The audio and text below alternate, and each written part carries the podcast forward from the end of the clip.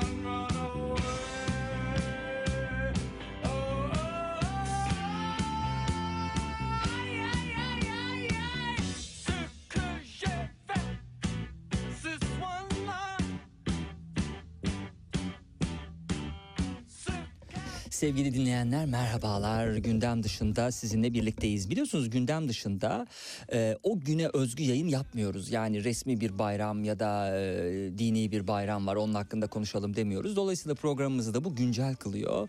Yıllar sonra da tekrar programları yayınladığımız zaman siz canlı mı tekrar mı fark etmiyorsunuz. Çünkü gündem dışının güzel tarafı 3 sene sonra da vermiş olsak e, program yine güncel oluyor. Fakat bugün bunun dışına çıkacağız biraz. E, bilinçli bir tercih. E, bugün 12 Eylül biliyorsunuz.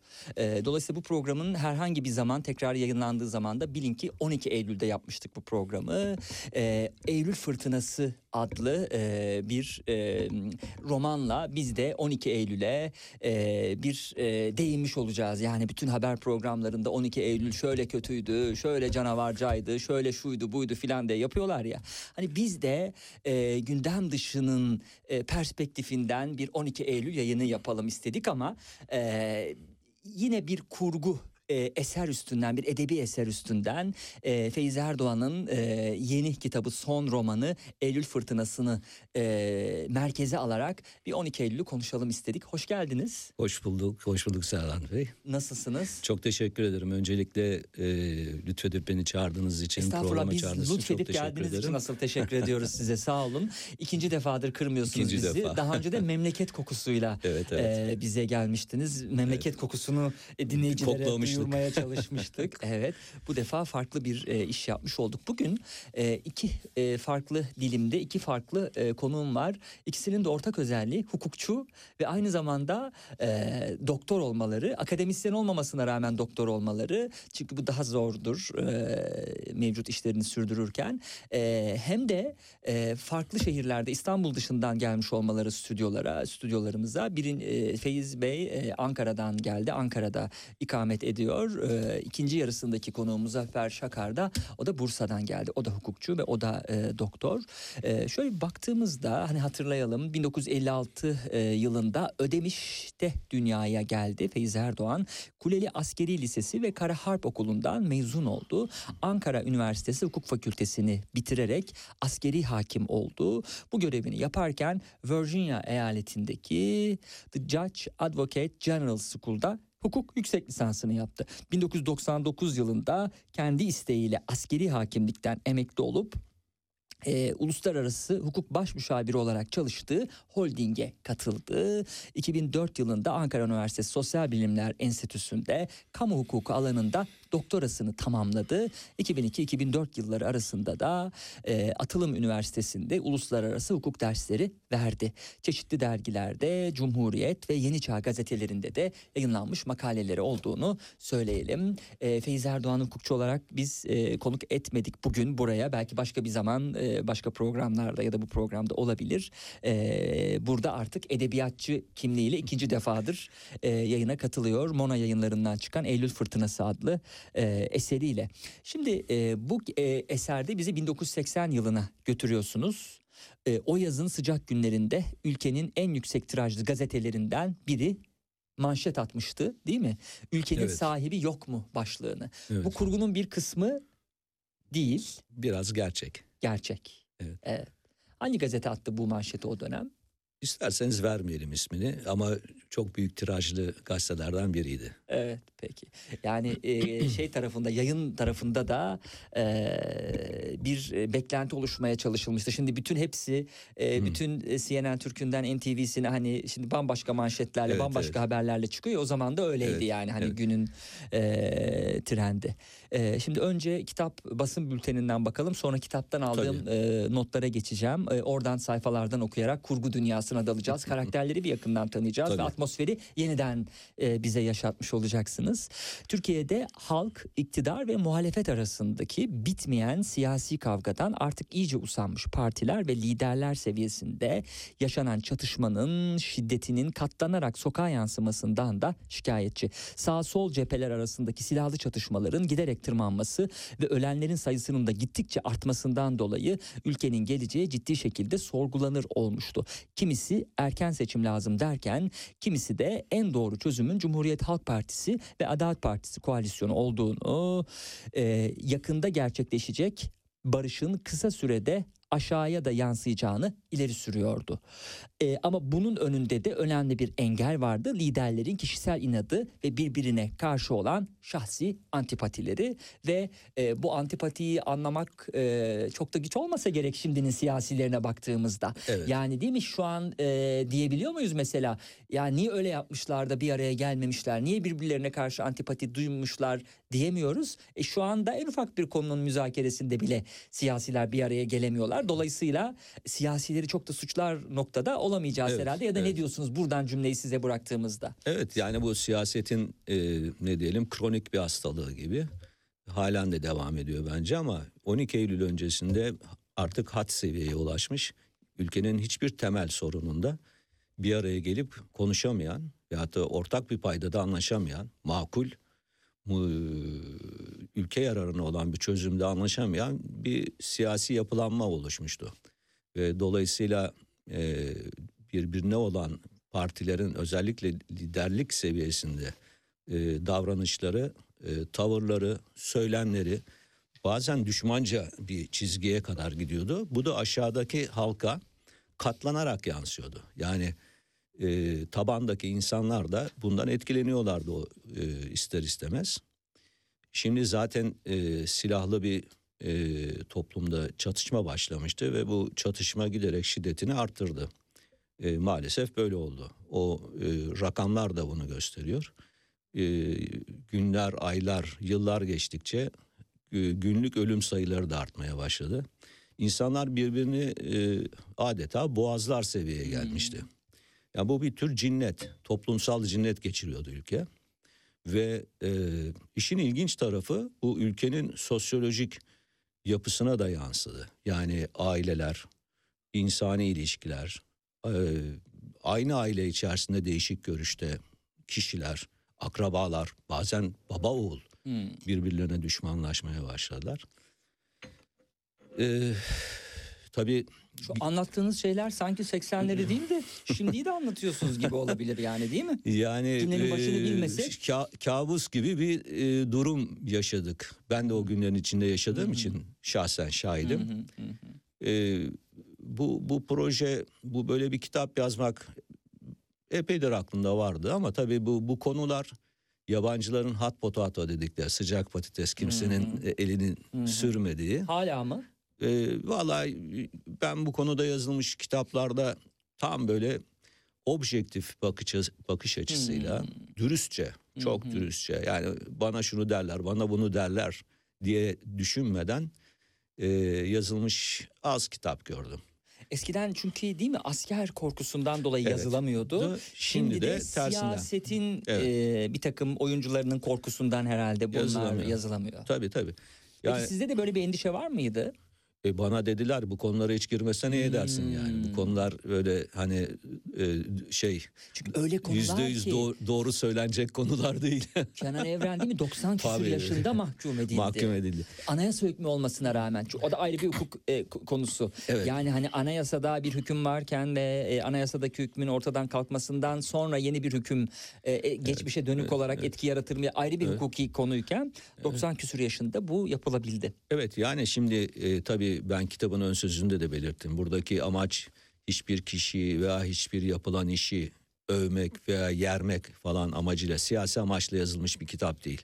Bu romanda yer alan kişi ve karakterler tamamen hayal ürünü diyor zaten Feyiz Er- e, Erdoğan. Gerçek kişi ve karakterlerden hiçbir ilgisi yoktur.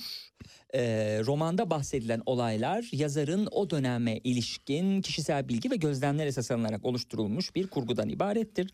Romanda hiçbir kişi veya olayı övmek veya yermek gibi özel bir amaçta güdülmemiş olup sadece o dönemde yaşanan olaylar ve siyasi gelişmeler, tarihi gerçekler ve yazarın gözlemlerine dayalı olarak objektif ve tarafsız bir şekilde verilmeye çalışılmıştır ki esasında tabii sunuşta da bir e, çekingenlik var tabii sunuşu kaleme alan editörde. Çünkü yani yazar canı ne isterse onu yazar. Objektif olmak zorunda da değildir. Çünkü bu bir e, belgesel olmadığı için değil mi? Ama bir endişe yine orada bir e, Ya, şey evet. tedirginlik hali var tabii. Bu bunu anlaşılır Yalnız buluyoruz. benim benim ilkem yani geçen önceki kitabımda da Hmm. ne zaman bir tarihi zemin üzerinde ilerliyorsam objektif olmak lazım diyorsun. objektif olmak lazım. Yüzde yüz objektif olmak lazım. Aksi takdirde de insanlara yanlış intiba uyandırırız. Yani insanlar bazen tarihi tarih kitaplarından değil romanlardan da öğreniyorlar. Dolayısıyla e, nasıl biz Çılgın Türkler kitabını Hmm, Turgut kitabında Özakman'ın, hı. Turgut, Turgut Özakman'ın kitabından Kurtuluş Savaşı'nı öğrendi bu toplum. Ama tarih kitabı tarih kitabının öğrenmediklerini oradan öğrendi. Evet. İnşallah romanı yazılır da Lozan'ı da öğrenirler başka bir kitaptan bu Evet. toplum. Çünkü yok gizli maddesi varmış yok. 2023'te şu olacakmış. Yok Serv'den daha kötüymüş filan. Evet. Artık şunun da bir romanı çıksa da öğrense Evet, diye ben, benim de ana amacım oydu. Yani roman formatında ama roman romandır. Yani onun için romanda e, roman karakterleri var, kurgu var. Evet. Ama e, e, gerçek gözlemlere dayanan ne zaman tarihi bir olaya değindiysem tarihi bir olay geçiyorsa romanda o da mutlaka gerçektir. Mesela Bahçeli Evler katliamı vesaire gibi söylemeyelim şimdi içeri ama bunlar hepsi gerçek olan şeylerdir. sunuş kısmındaki şu vuruculuk beni daha sunuşun son paragrafında Evet. aldı ve sürdürdü. Yani bir çatışma haline bakar mısınız? Yani kelimeler çok birbirinin aynı olan kelimelerde bile bir e, bir ölüm kalım savaşı olabiliyor. Eğer yurtseverim derseniz Solcu oluyorsunuz. vatanseverim diyen biri tarafından öldürülebiliyorsunuz vatanınızı sevmediğiniz gerekçesiyle Evet. ya da yurtsever olan kişi vatanseverim diyen gerçekten de vatansever olan Evet. kişiyi belki yurtsever değil bu vatansever diye öldürebiliyor. Son paragrafı okuyayım. 12 Eylül döneminde hayatını kaybeden kendilerine yurtsever veya vatansever diyen her iki taraftan bütün gençlerin anısına ithaf etti. Ee, Feyz Erdoğan e, bu son romanını. E, Evet şeyde e, gerçekten o gençlere çok yazık oldu. Onlar hep e, onların e, bence büyük kısmı ezici büyüklükteki bir kısmı hepsi ülkesini seven, Hmm. ülkesi için iyi bir şeyler yapmaya çalışan insanlardı. Gençliğin heyecanıyla kimisi o tarafa kimisi bu tarafa gitti ve birbirlerine bir müddet sonra düşman hale getirildiler. Ama e, özellikle kitabın bir bölümünde e, bir kantin e, sohbeti var. Hmm, hmm. O kantin sohbetinde iki tarafın bakış açısını özellikle birbiriyle yarıştırdım. E, o sohbette e, o gençlerin Şahin ve Şahin ve Suna arasındaki. Evet, Şahin Daha Suna. doğrusu e, Ama- e, çok Evet, şey değil gireceğiz zaten. Aynen tamam yok gireriz Tamam. daha sonra belki. evet, Ee, yakın tarihimizin şiddetli dönemlerinden birini bir grup gencin hikayesi üzerinden anlattı Feyzi Erdoğan. Sağcı bir gence aşık olan Ankaralı bürokrat bir ailenin kızı Suna. evet. Ankara Hukuk Fakültesi'nde hakim olmak için okuyan genç subay Nazmi, idealist bir gençken kendini büyük bir siyasi oyunun içinde bulan Fatih, ODTÜ'de okurken cezaevine düşen Utku ve diğerleri ülkede kör dö- dövüşü sürüp giderken onlar hem demokrasi hem de kendi yaşamları uğruna bedeller ödeyeceklerdir. Bu bedelleri de adım adım e, bu gencecik insanlar üzerinden e, romanda okuyoruz. E, kitapta bir 19 Mayıs'la açılıyor değil mi? 19 Mayıs coşkusu var. Gösterisi. Ne kadar güzel bir bayramdır Ulu Önder'in armağan ettiği e, yani e, onu kutlarken böyle tüylerimizin diken diken olması gereken bir bayramda e, nitekim Suna da e, büyük bir heyecanla hazırlanıyor çünkü gençlik bayramı e, gencecik bir ka- e, kız. E, fakat e, bu 19 Mayıs heyecanı da e, hüsrana dönüşüyor. Evet, e, bayram berbat oluyor. Hı hı. Şimdi Sunay'a bir bakalım. E, hem Sunay'ı da tanımış olalım. E, sayfa 9. Bugün Suna için beklenen büyük gündü. 19 Mayıs kutlamaları için seçildiği gösteri grubu içinde Ankara Cebece Stadyumunda son defa bayram gösterisine çıkacaktı. Bu sondu çünkü bu yıl yani 1976 Haziran'ında artık lise bitiyordu. Seneye inşallah üniversiteli olacaktı. Gösteri grubu Ankara'daki liselerin son sınıflarında okuyan kız ve erkek öğrencilerden seçilerek oluşturulan karma bir gruptu. Doğrusu gösteri grubuna okullarının en gösterişli kız ve erkek öğrencileri seçilmişti. Sahada belli bir koreografi içinde toplu jimnastik hareketleri yapacaklar. En sonunda da üzerindeki kırmızı beyaz kıyafetleriyle birbirlerine kenetlenip Türkiye haritası çizeceklerdi Ee, diyor. Ee, ama e, istediği gibi olamayacak e, Suna için bu. E, Suna'nın e, tabii Şahin girebilir artık e, bizim e, şey hayatımıza. E, ne, ne demek istiyorum yani hayatımıza girebilir derken ana karakterlerden birinde tanıyalım. Suna gösteriye Şahin'i davet etmişti. Şahin'i tanıyoruz. Şahin de Gazi Üniversitesi'nde okuyor. Gazi Üniversitesi deyince zaten e, görüş olarak değil mi? Şahin'in ülkücü olduğu hemen gözümüzde canlandı. Okul- Utku da ODTÜ'de okuduğuna göre Utku'nun da solcu olduğu gözümüzde daha ilk başta canlandı. Maalesef o dönemde okullar öyle bölündüğü için Ama mesela öğrenciler lisede- de etiketlenmişti. Ya lisede sadece. okuyan bir öğrenci ben mesela ülkücüyüm o yüzden Gazi'de okumam lazım. ODTÜ'de okumamalıyım mı diyordu. Öyle mi gidiyordu okula? Nasıl oluyordu bu? Yok. Okul kazandıktan sonra mı bu dönüşüm oluyordu? Bu, bu nasıl olabilir? Belki bir kısmı bunu arzulayarak da seçiyor olabilir Çok küçük ama bir kısmıdır çok belki. Küçük bir kısmıdır bence. Benim gördüğüm o dönemde insanlar bir okula gittikten sonra o okul, okuldaki hakim grup tarafından egemen Hmm. egemen e, çoğunluk tarafından kısa süre içerisinde etki altına alınıp kendi saflarına kazandırılıyordu. Şunu mu anlamalıyız? Şahin daha fazla matematik sorusu çözüp söz gelimi sayısalcı olup ODTÜ'ye gitseydi solcu mu olacaktı? Muhtemelen bir süre sonra Olabilir. daha e, ılımlı bir e, Hmm. milliyetçi ve e, onlara yakın biri haline gelirdi. Gelebilirdi, Gelebilirdi. Arkadaş çevresi çünkü çok önemli. Sosyal çevre çok önemli. O ço- sosyal çevreler çocukları yönlendiriyordu. Doğru.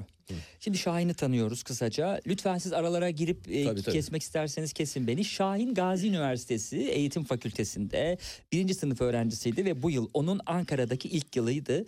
Buraya Balıkesir Savaştepe Öğretmen Okulu'ndan gelmişti. Kendini övmekten hoşlanmıyordu. Hatta sıkılıyordu ama tanıştıktan sonraki ilk sohbetlerinin birinde öğretmen okulunun en iyi öğrencilerinin son sınıfı bitirirken seçilerek eğitim enstitülerine gönderildiğini söylemişti. Emsalleri ilkokul öğretmeni olacakken o enstitüyü bitirdiğinde ortaokul lise öğretmeni olacaktı. Sözün kısası emsalleri arasında sivrilmiş, zeki ve çalışkan bir gençti. Matematik bölümünde okuyordu. Yani mezun olduğunda matematik öğretmeni olacaktı. Sunan'ın görüşüne göre hem yakışıklı hem de karizmatikti.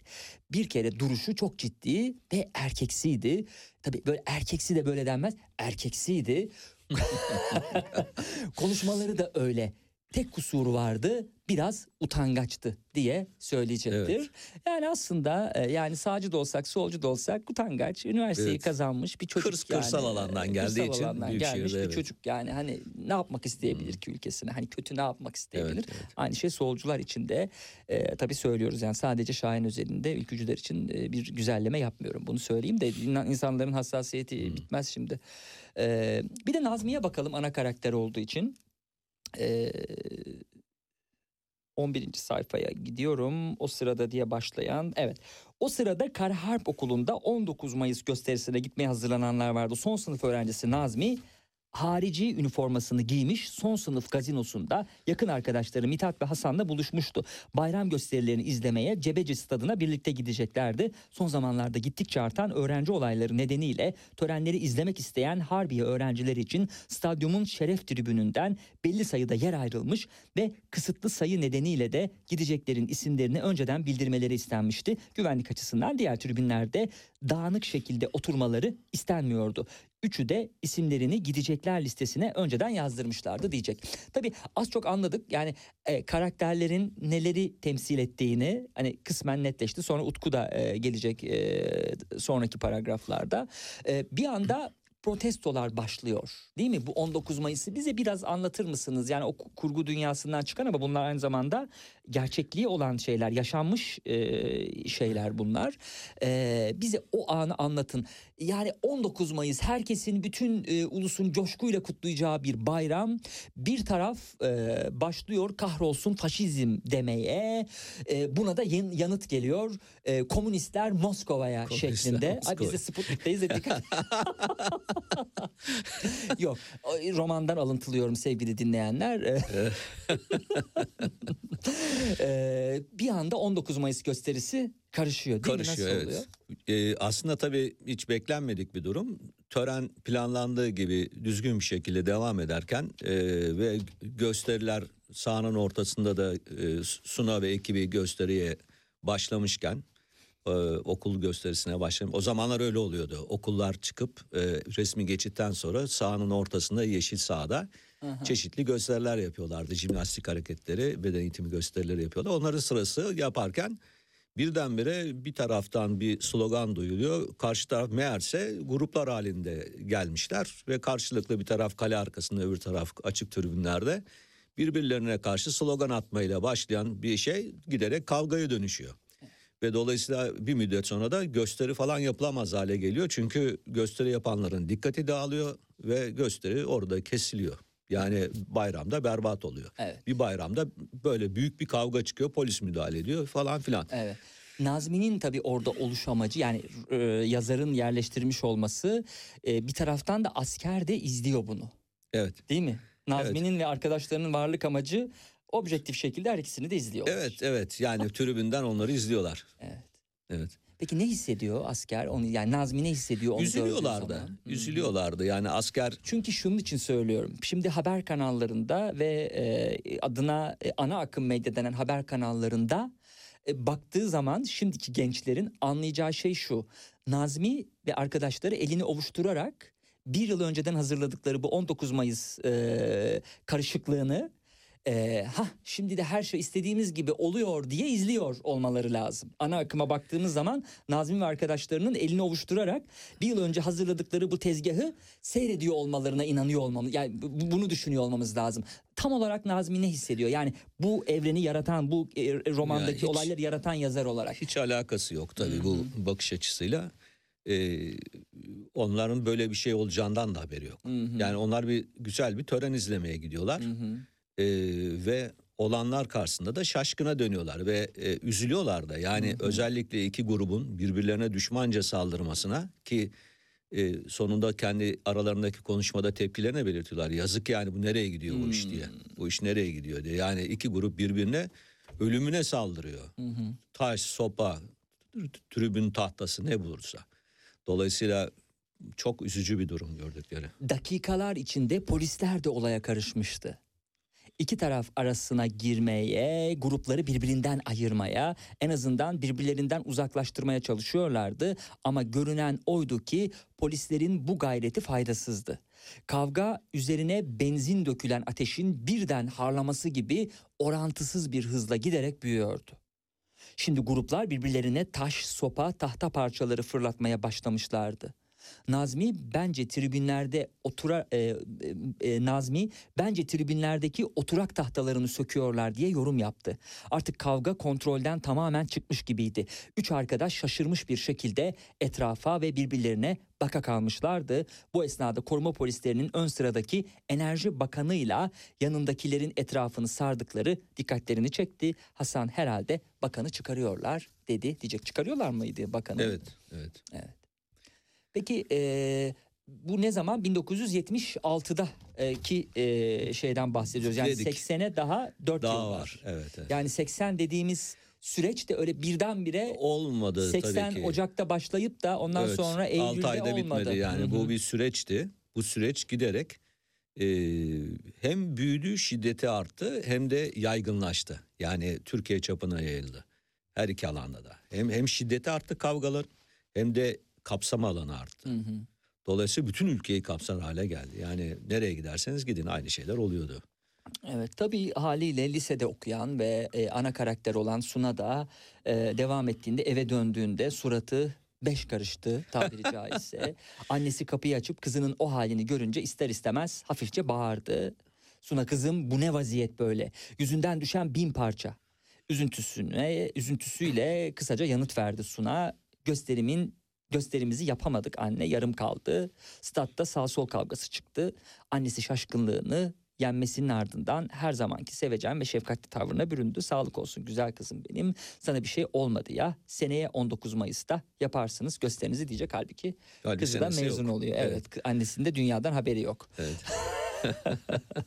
Peki e, siz ne kadar sürede hazırladınız bu romanı ve nerede bir baktığınız tarihi bir çalışma yaptınız mı buna ilişkin olarak? Ee, zamanın tabii şeylerine de biraz baktım. E, o zamanki yayınlanan e, haberlere, dergilere, gazetelere birazcık arşiv çalışması da yaptım. Ama zaten konunun içinde yaşadığım için ve de bir e, belgesel bir şey yazmadığım için Hı hı. Sonuç olarak sadece şuna dikkat ettim. Dediğim gibi tarihsel bir olayı mesela bir Otti olayı vardır. O da gerçektir romanda. Hı hı. hı. Yani nerede bir e, şeye girdiysem bir vakaya girdiysem o vaka mutlaka hayali değil gerçek. O, o anlatılanlar doğru. E, e, tabii e, bir sene falan sürdü bunu yazmam zaman zaman ama e, son bölümleri biraz hızlandı çünkü pandemi yardım etti. Eve Hmm, kapanınca hmm. daha rahat bir ortam Hmm, oldu. hmm. O zaman bitirebildim. Evet. Peki e, yazdığınız e, zaman ve tabii araştırma da yaptığınızı konuşuyoruz. Bu araştırmalarda sizin e, e, 1980 olaylarına ilişkin olarak ben bunu yanlış biliyormuşum. Aslında bu benim gözümden kaçtı dediğiniz bir bir anı yakaladınız mı ya da e, bir farklı bir e, an ilk defa öğrendiğiniz bir şey oldu mu bu araştırmalar ve bu yazım sürecinde? E, aslında pek olmadı ama e, bunu yazmadan önce konuyu e, kafamda tasarlarken daha doğrusu daha geç duyduğum, daha sonradan duyduğum şeyler oldu. E, mesela bu Mamak'taki e, ve Diyarbakır cezaevindeki işkence olaylarını sonradan haberimiz oldu. Hı hı. Ee, bir takım ince detayları işte Mamak cezaevindeki o e, davranış şekillerini anlattığımız yerleri sonradan öğrendim. Hı hı. Ama onlar da gerçek. Hı hı. Yani dolayısıyla dediğim gibi yani ben e, objektif olmaya çalıştım. E, yalan hiçbir şey söylememeye çalıştım. Nazmi'de sizden e, özellikler görüyoruz. Yani hem asker oluşu, hukukçu Evet. oluşu, Ankara hukuk. Kendimden de esinlenmiş Ee, olabilirim. Esinlendiniz mi? Ne kadar esinlendiniz? Ne kadar Nazmi sizi yansıtıyor arkadaşlarınızla birlikte? Kısmen. Kısmen değil. Ee, tabii e, ilk romanlar, bu da ikinci romanınız. Ee, ilk romanlarda, öykülerde e, ana karakterin yazarla, e, yazardan e, ana karakterin beslenmesi çok olağandır diye hep söylerler ya. Dolayısıyla Evet, evet. siz de ikinci roman itibariyle esinlenmiş olmanız kendinizden çok Tabii gör- normal. gördüklerim, yaşadıklarım bana büyük esin kaynağı oldu. Yani e, kendim kendim yaşamadıysam bile yaşayan insandan birebir e, duyduğum, işittiğim şeyler. Yani e, e, tabii ama roman içerisinde e, yaratılan olaylar, ondan sonra o gelişmeler, ilişkiler, onlar tamamen kurgu tabii ki. Ee, şimdi sağ sol olaylarında insanlar birbirlerini 1980 döneminde döverek değil mi? Evet. Ee, slogan atarak alıyorlardı o hınçlarını. Hınçlı bir e, milletiz biz esasında. Bir hınç birikmesi var içimizde. Yani öfke, öfke, Öfke. kontrolü olmayan. Evet, Evet. öfke kontrolü olmayan çok doğru. Şimdi de e, sosyal medyada e, yani Twitter ta- kullanıyor musunuz bilmiyorum.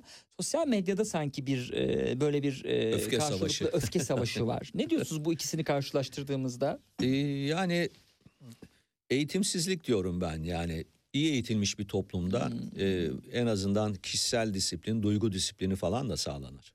Yani bizim toplumda öfke kontrolü yok. Bunda biraz da yani siz de üzerinize alınmayın sizin için söylemiyorum ama medyanın da bir şey var, rolü var. Yani e, ben ondan şikayetçiyim. E, işte yapılan dizilerde ondan sonra e, akşamları e, milyonlarca kişinin izlediği e, ana akım medya diyelim hepsinin e, tercih ettiği konular hep vurdulu kırdılı işte hiç öfkesini kontrol edemeyen birdenbire parlayan silahını çeken karşısındakine dandan ateş eden e, konuşarak anlaşmaya çalışmayan e, fiziki güç kullanarak e, ezmeye çalışan onunla işte e, çatışan falan böyle şeyleri izletiyorlar topluma. Dediğim gibi yani toplum barışçı barışçı bir e, şey altında değil. Barışçı bir yönetim altında değil. Barışçı bir e, bakış açısı, egemen bakış açısı barışçı değil. Halbuki e, insanlar daha eğitim döneminde okullarda birbirlerine karşı daha toleranslı olmayı, daha anlayışlı olmayı, daha e, karşısındakinin ne demek istediğini anlamaya çalışsalar mutlaka anlaşacakları ortak bir zemin bulurlar. Ya ben bir hukukçu olarak siz de hukukçusunuz. Hani ünlü bir hukukçu diyor suçluyu kazıyın altından insan çıkar diyor. Suçluyu kazıyın altından insan çıkar. Yani ne olursa olsun alttaki şey doku insandır ve bu insan dokusu mutlaka birbiriyle bir yerde uyuşması lazım.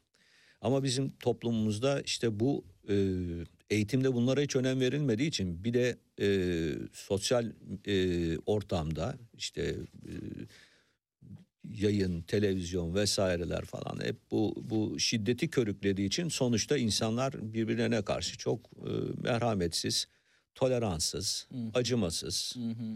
Maalesef böyle. Yani bu geçenlerde işte o zaman o şekildeydi. Bu sefer de sanal ortamda gidiyor aynı kavga gürültü. Mesela siz o günleri yaşamış bir kıdemli bir üstadsınız. Ee, bu bağlamda bakınca e, e, ülkesel tekamül anlamında, toplumsal tekamül anlamında düzeltiyorum. Hiç mi bir gelişme olmadı? Yani Çünkü mesela e, sözünüzü kesiyorum. Program başlarken söylemiştiniz hani e, o dönemin siyasetçileri birbir ya egolarından işte e, birbirlerine antipatilerinden asla bir araya gelemeyecek noktalardı. Şimdi de ufak konularda bile yine aynı o bir araya gelememe halini görüyoruz. Bu birbirinin aynısı gibi. E, toplumu oluşturan bireylerde de e, sanki aynı e, durum var.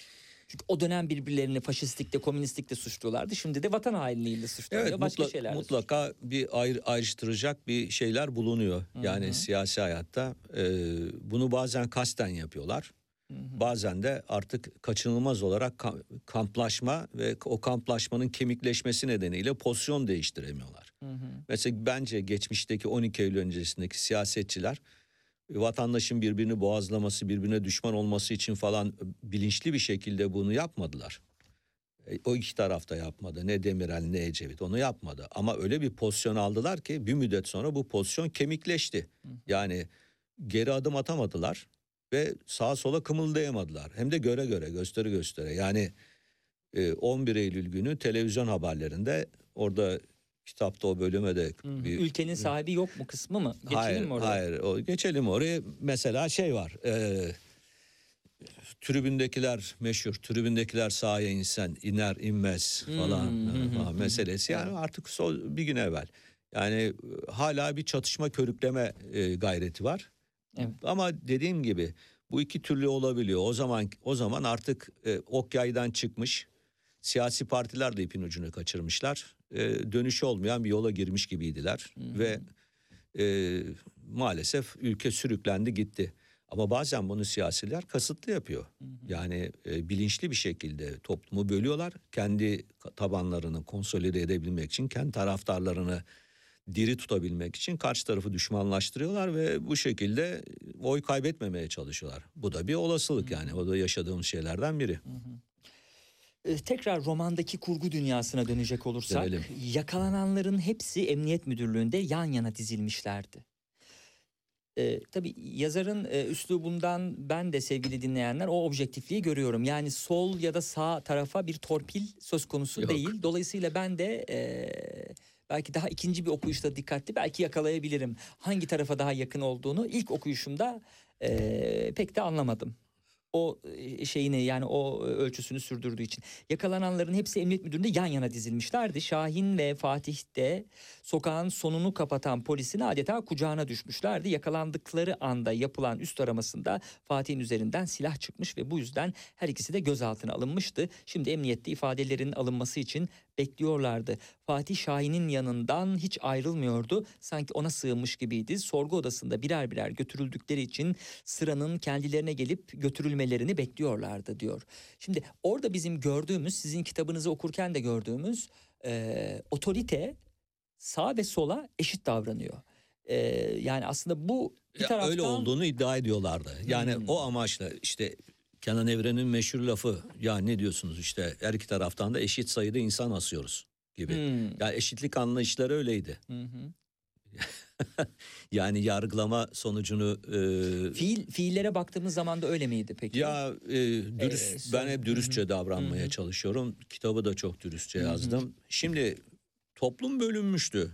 E, devlet memurları da bölünmüştü. Polis de bölünmüştü. Yargı da bölünmüştü. hı, hı hı. Dolayısıyla yargıda sağcı hakimler de vardı, solcu hakimler de vardı. Poliste de Mesela Şahin dediğimiz figür aslında sağcı olarak belirliyoruz ama Evet. aslında ülkücü. Yani Ülkücü. tam ayır, ayırdığımız Evet. zaman. Dolayısıyla sağcı eşittir ülkücü olarak mı anlamalıyız bunu? e, o dönemde öyleydi. Sağcılar ülkücüydü. Tamam. Öyle diyelim. E, ama mesela ne kadar fark oluyordu? Bir sağcı Peki solcu dediğimiz şey eşittir komünist mi diyorduk o dönem? Değil. e, Solcular daha üst bir şeylere şeydi. göre, sağcılara göre, ülkücülere göre bütün solcular komünistti. Hı hı. Ama Fiili duruma baktığımızda Soluculara göre öyle değildi. Değildi. Hı. Değildi. Onlar kendilerini yurtsever, e, kap- a- emperyalizme karşı antikapitalist, tam bağımsız Türkiye diyen insanlardı.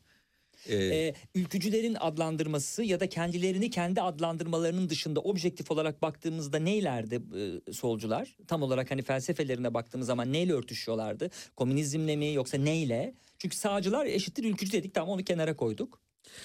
yani kendi anlatımlarına göre sol kesim dediğim gibi tam bağımsız Türkiye, işte kahrolsun Amerika diyen, emperyalizme karşı e, tam bağımsız bir Türkiye isteyen, e, kapitalizme büyük oranda karşı, e, bağım- bağımsız Türkiye'nin peşinde Tabii kapitalizm ve e, sosyalizm olunca birine karşı olunca birine dahil olmuş Evet, oluyorsunuz evet. gibi oluyor. Evet. Ama ama işte onların içinden de uç gruplar çıkınca Hı hı. işte Leninciler, Hı hı. Çinciler, Maocular falan filan diye bu sefer çok fazla sağcıları da bu irite etti. Hı hı. Yani sağ grupta vay bunlar ülkeyi işte şeye satmaya çalışıyorlar. Rusya'ya satmaya çalışıyorlar. Hı hı. Öbür taraf işte vay bunlar ülkeyi Çin'e satacaklar. Hı hı.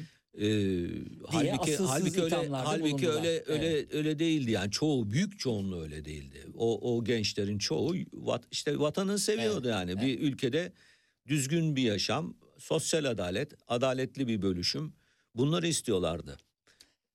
Öyle diyelim. 1980 yazının politik bakımdan da sıcak günlerinden birinde ülkenin en yüksek tirajlı gazetelerinden biri 8 sütuna manşet atmıştı. Ülkenin sahibi yok mu? Manşetin altındaki yazı okunduğunda özellikle de meclisin 6-7 aydır bir cumhurbaşkanı seçemiyor olması da gerekçe gösterilerek bu durumun daha fazla böyle devam edemeyeceği, eğer ülkedeki bu siyasi kilitlenmeye, bunalıma siyasiler bir çözüm bulamıyorsa bu kör düğümün onların dışında bir güç tarafından çözülmesinin zorunlu olacağı üstü kapalı cümlelerle söyleniyordu. Bu yazıyı okuyan kişi bahsedilen gücün ordu olduğunu rahatlıkla anlayabilirdi. Yani üstü kapalı da olsa basın orduyu göreve davet ediyordu. Evet.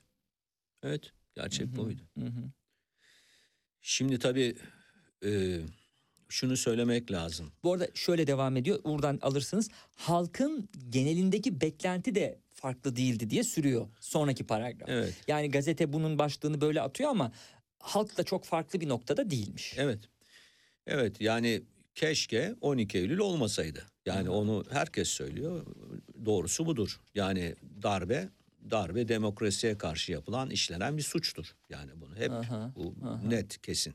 Aha. Ama yani bu bizim toplum olarak da bu noktalara nasıl geliyoruz onu da bir öğrenmemiz lazım. Yani onu da bir anlamamız lazım. Yani durduk yerde mi oldu bu işler yoksa nerelerden nerelere geldi? Neler oldu? Günde 30 kişi birbirini öldürürken günde ölü sayısı 30'du. Ortalama 30 kişi ölüyor her gün. Hı hı. Anneler çocuklarını okullara gönderemiyordu.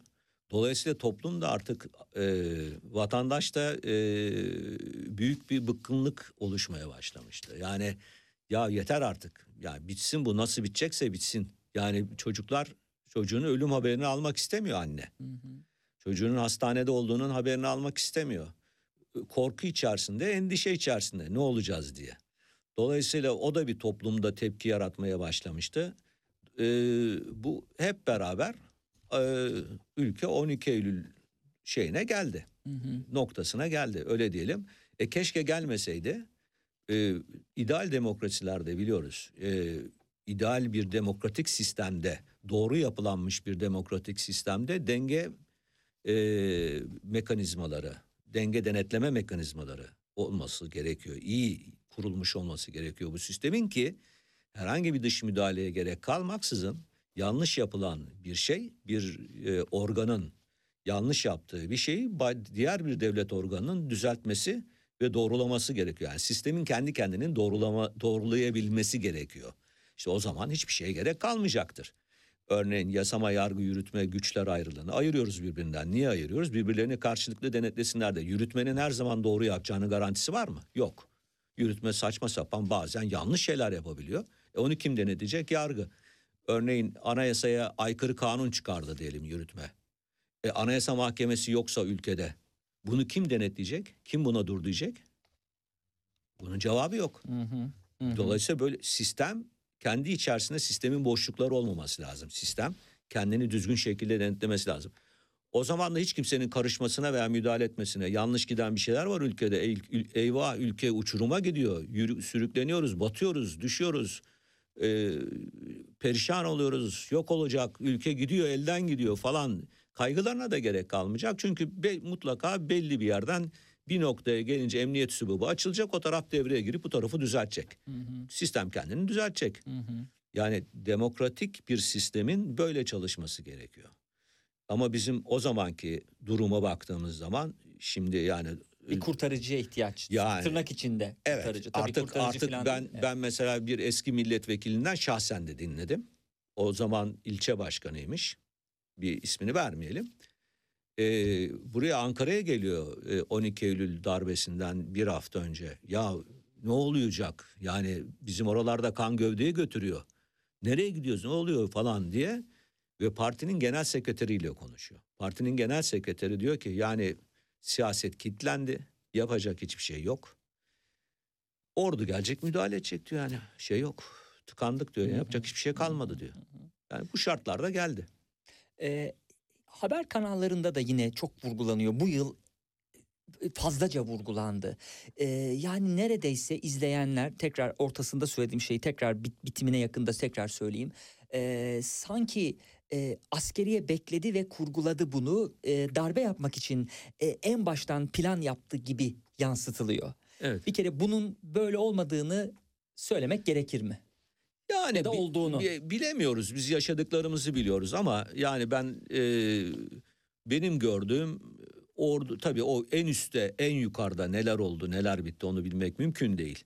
E, meşhur kitapta da geçiyor Our Boys esprisi Hı hı. şeyi var e, sonunda vurgulaması var. Hı hı. E, Amerika bu işe ne kadar dahil oldu, ne kadar arzu etti, nasıl oldu onları da bilmiyoruz. Ama Diyelim ki ettiler. Ama toplumun kendisinin burada bir yani bu ülkenin siyasetinin hatalarını da görmemiz lazım 12 Eylül'e gelirken.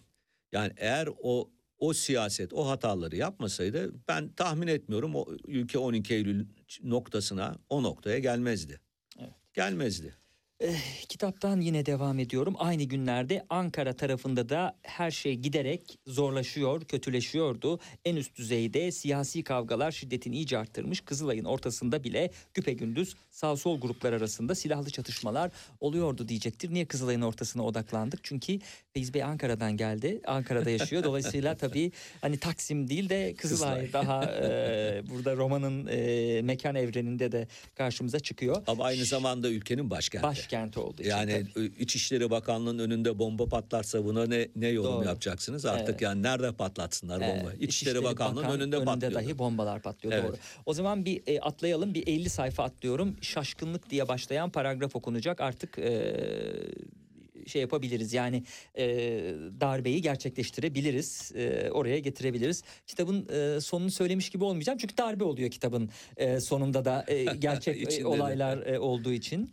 E, sayfa 171 demişim.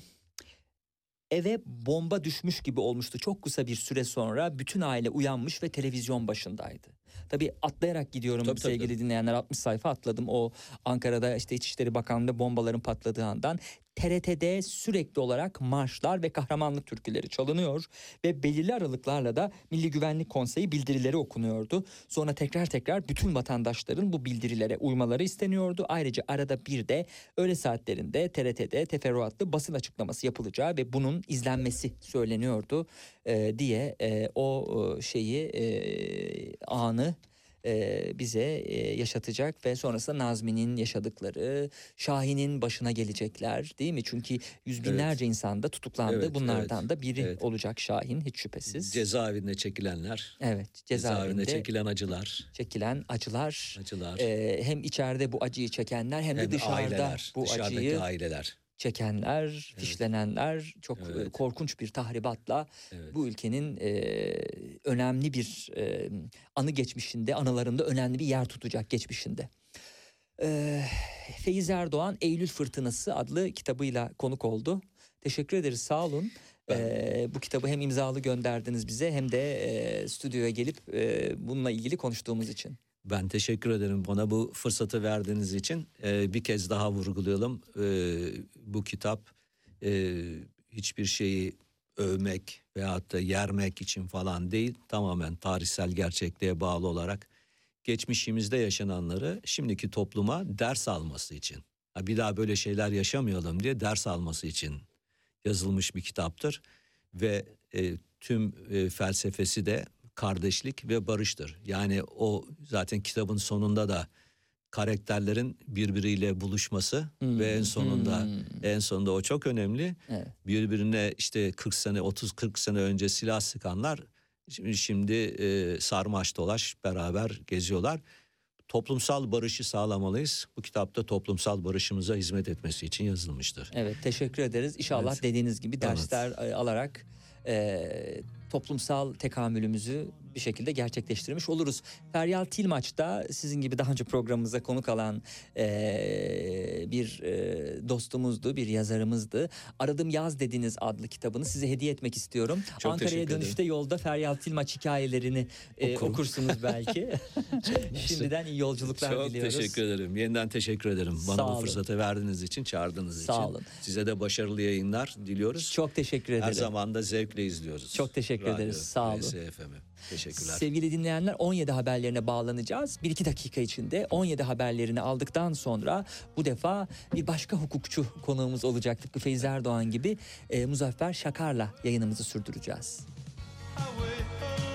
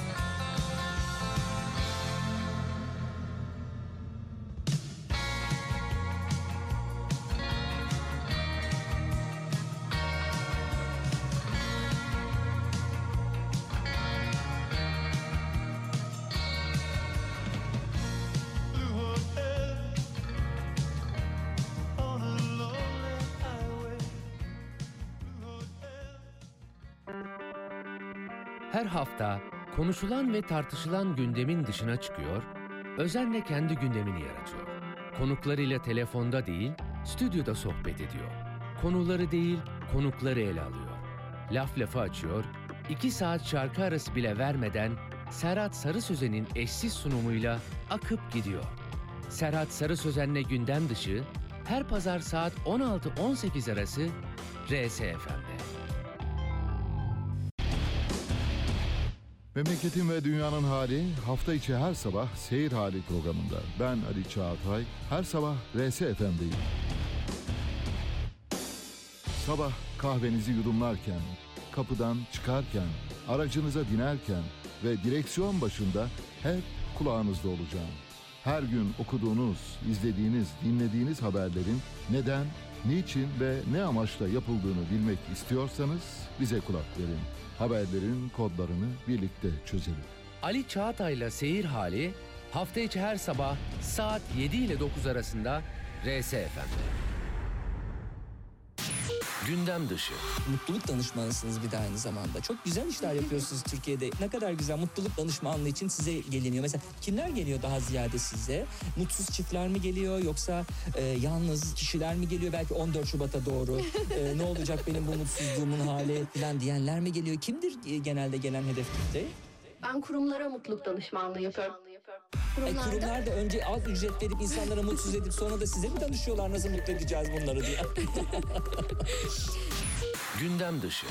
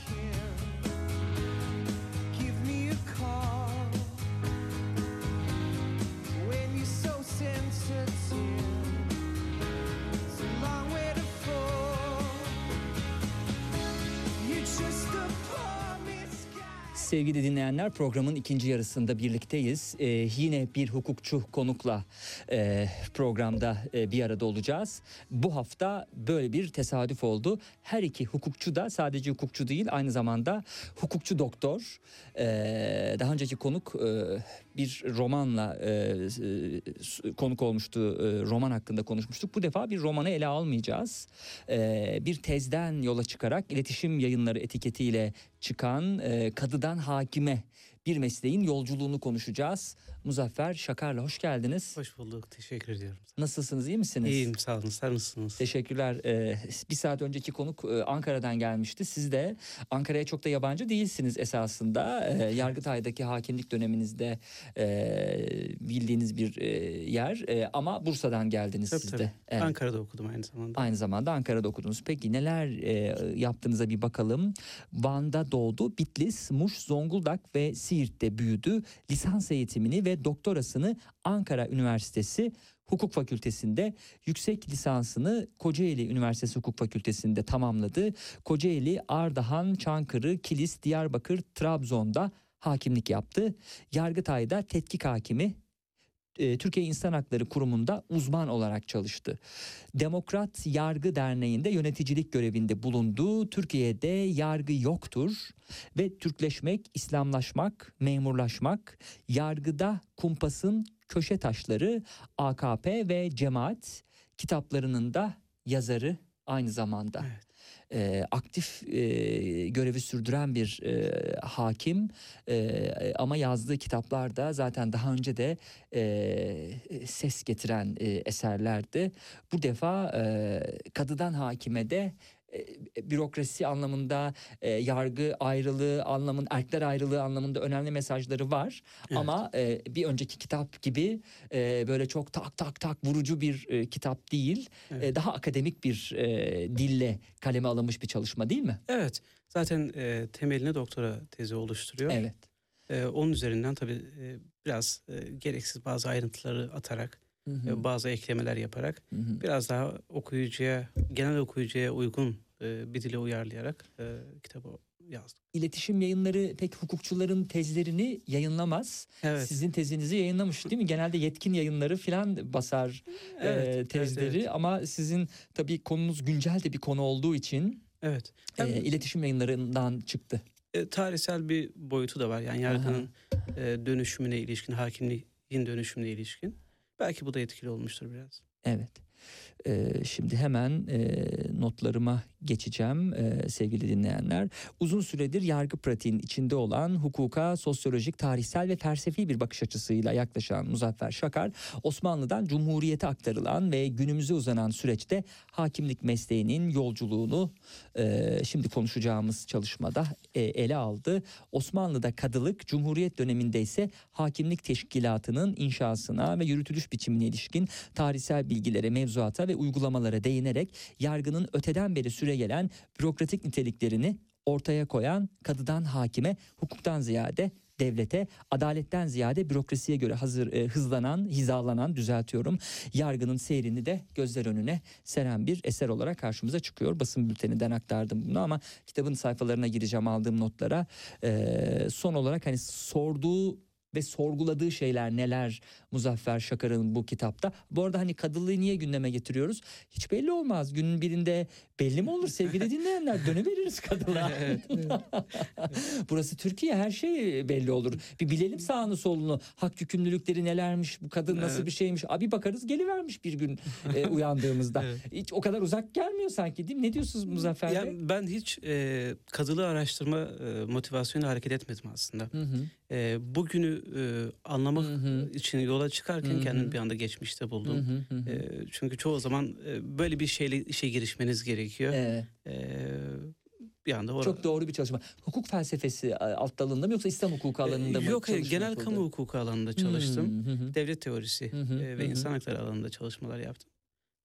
E, tabii yargı e, devlet teorisinin, e, de- devletin de arzu devlet organlarının en önemlisi. Hı, hı hı. Ve bunun üzerinden e, biraz da tabii e, şuna dikkat ettim. Yani bir araştırma yaparken sizi rahatsız eden, e, huzursuz eden, e, sorguladığınız, merak ettiğiniz bir şeyi araştırmak e, hem araştırmacı için daha kolay e, hem de e, size ayrı bir motivasyon e, katıyor.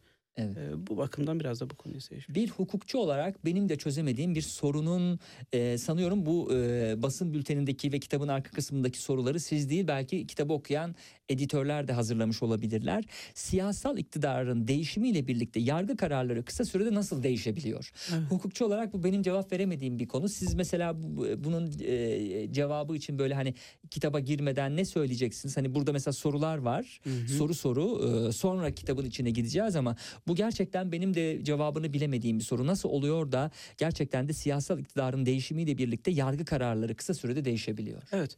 Yani e, şunu bugün isteseniz de e, siz e, yargıya e, dair, hakimlere dair çok hızlı bir değişim kendi başınıza yapamazsınız. Bunu yapabilmeniz için e, daha büyük kapsamlı bir değişikliği yapabilmek, bunu hayata geçirebilmeniz için elinizde çok iyi bir örgütsel yapı olması lazım. Ve bu örgütsel yapının e, yukarıdan aşağı komutlarla hareket edebilecek bir niteliğinin olması lazım. Hı hı. Yani hiyerarşi olması lazım. Yani merkeziyetçi olması lazım. Ve bu hiyerarşi içerisinde yer alanları merkeze bağlayacak e, bir takım mekanizmaların bulunması gerekiyor. İşte ben bunu ortaya koymaya çalıştım. Hı hı. Yargının bürokratik örgütlenmesi. Çünkü bürokraside biliyorsunuz... Birinci bölümdeki konu, hatta giriş kısmındaki Tabii konu. tabii. E, bürokrasinin en temel özelliği budur zaten. Çok hızlı karar alabilir. Merkezde alınan bir kararı tüm e, en ücra köşelere kadar çok hızlı bir şekilde yayabilir, uygulayabilirsiniz. Yargıda da bu e, dönüşümlerde bu kadar hızlı intibak sağlanmasının en önemli nedeninin bu olduğunu düşünüyorum. Evet. Nitekim ilgili kısımlarda yargı bürokratik bir örgüt mü sorusunda bu irdeleniyor. Yine bürokratik yargının sonuçları ve bürokratik gelenekte de e, yine bu e, hani kısaca giriş yaptık e, bu kıs- kısım e, irdelenmiş. E, başka ne var? Sorularda binlerce hakim siyasal iktidarın günlük politik tavırları doğrultusunda kısa aralıklarla değişen ve birbirini çürüten kararları nasıl verebiliyorlar? Bağımsız ve tarafsız olduğu dillerden düşmeyen yargının kolaylıkla manipüle edilebilmesi ne şekilde gerçekleşiyor? Hakimlerin ve savcıların iktidarın arzusu doğrultusunda sevk ve idaresi nasıl mümkün oluyor? Günümüzde Hakimler Savcılar Kurulu yargı üstündeki mutlak güç pozisyonunu hakimler üzerindeki otoritesini hangi araçlarla tesis ediyor? Türkiye'deki yargının gerçek anlamda anlaşılması için tüm bu soruların ve daha fazlasının cevaplanması gerekiyor ve aslında bir de ben ekleme yapayım. Bu soruların artık sorulamayacak bir yargı düzeninin kurulması gerekiyor hiç Kesinlikle. şüphesiz. Evet.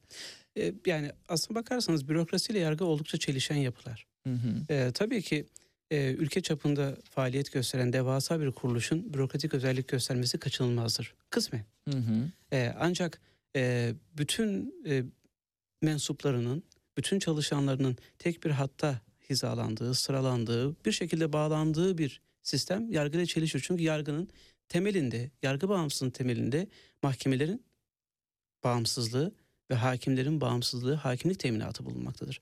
Şimdi bir yandan hakimin ve mahkemelerin her birinin ayrı bir uzuv, her birinin başlı başına özel bir birim olduğunu kabul edip bir yandan da tamamının e, bir bünyeye bağlı ve tek bir e, şekilde e, tek bir çizgi üzerine hareket eden bir kurum olduğunu kabul etmek mümkün değil. Hı hı. Birbiriyle tamamen çelişen kurumlar. Fakat e, Türkiye'de maalesef geçmişten gelen bir gelenek de bu aslında. E, bir bürokratik gelenek içerisinde faaliyet gösteriyor. Geçmişte çoğunlukla siyasal iktidar ve kurumlar nezdinde yürütülmekte olan yargı tartışmaları hakimlerin bizzat kendilerini de kapsayan bir boyuta ulaşmış durumda. Hakimlerin seçilme ve atanma yöntemleri yargı içerisindeki konumları, yasama ve yürütme organları ile ilişkileri gibi kurumsal statülerinin yanı sıra siyasal aidiyetleri, kişisel vasıfları, özel hayatları da siyasal, toplumsal gündemleri bir süredir meşgul ediyor. Bununla birlikte bu konulardaki temel kavramlarda dahi e, uzlaşılamadığına, aynı konuların rastgele kavramlar ve başlıklar altında belli bir usul ve esas gözetilmeden ele alındığına, klişe haline gelmiş tezlerle konuşulduğuna da tanık oluyoruz diyor Evet. bu minvalde e, Doktor Muzaffer Şakar. Yani e, Türkiye yargı tecrübesi, daha doğrusu yargıyla olan tecrübesi çok e, e, geniş ve kapsamlı bir ülke. E, sürekli olarak yargı kararlarını, yargı uygulamalarını konuşuyoruz. Ancak e, bu konular üzerine konuşurken e, çoğu zaman e, tarafsızlık, bağımsızlık gibi kavramlarla yetinip birkaç teorik e, çalışmayla meseleyi izah etmeye çalışıyoruz ama e, bunun daha derinine inmek, sosyolojik e, çalışmalar yapılması gerekiyor. Yargıçlar tabii ki tartışmalı. Ben, hani tartışılmasını e, olumsuz bir şey olarak söylemiyorum. Her şeyiyle tartışılabilmeli. Bugün bir federal yargıcın Amerika'da e, her şeyi bilinir. Geçmişteki kararları bilinir, aidiyeti bilinir, Hmm. e, siyasal eğilimleri bilinir ve bunun üzerine e, birçok şey bina edilir. E, Zaten e, Amerikan hukuki realizminin temelinde de bu vardır. Yani hakimin nasıl karar verdiğini, ne, ne karar vereceğini bulabilmek, bilebilmek üzerine kurulur. Bunun tartışılması bence bir sorun değil. E, ancak e, bugün e, temel e, sorun yargının bu kadar e, kolay dönüşüyor, Hmm. değişiyor olabilmesi. E, yargı kararlarının e, dönemin değişmesiyle aniden e, farklı bir e, yöne, farklı bir mecraya akabilmesi e, bence asıl sorun olan bu. Asıl düşünülmesi gereken tabii. değil mi üstünde bu olabilir. Bir de e, varsayalım ki e, yani tarafsız olmak e, tam daha ziyade tarafsız görünmek e, önemli malumunuz biliyorsunuz. O, Hı hı. yani yargı veya hakimler velev ki bağımsız olsun, velev ki tarafsız olsun. Bir kez e, toplum nezdinde böyle bir intiba oluştu ise e, bunu değiştirmeniz gerekir. Hı hı. Hem tabii ki sebeplerini e, araştırmanız, arkeolojik bir çalışma yapmanız gerekir. Ama aynı zamanda bunu izale etmek için haksız bir yargı olsa dahi bunu değiştirmek için çaba harcamanız e, ve bu tarafsızlığı, bağımsızlığı Nasıl mümkün olabilir peki bu?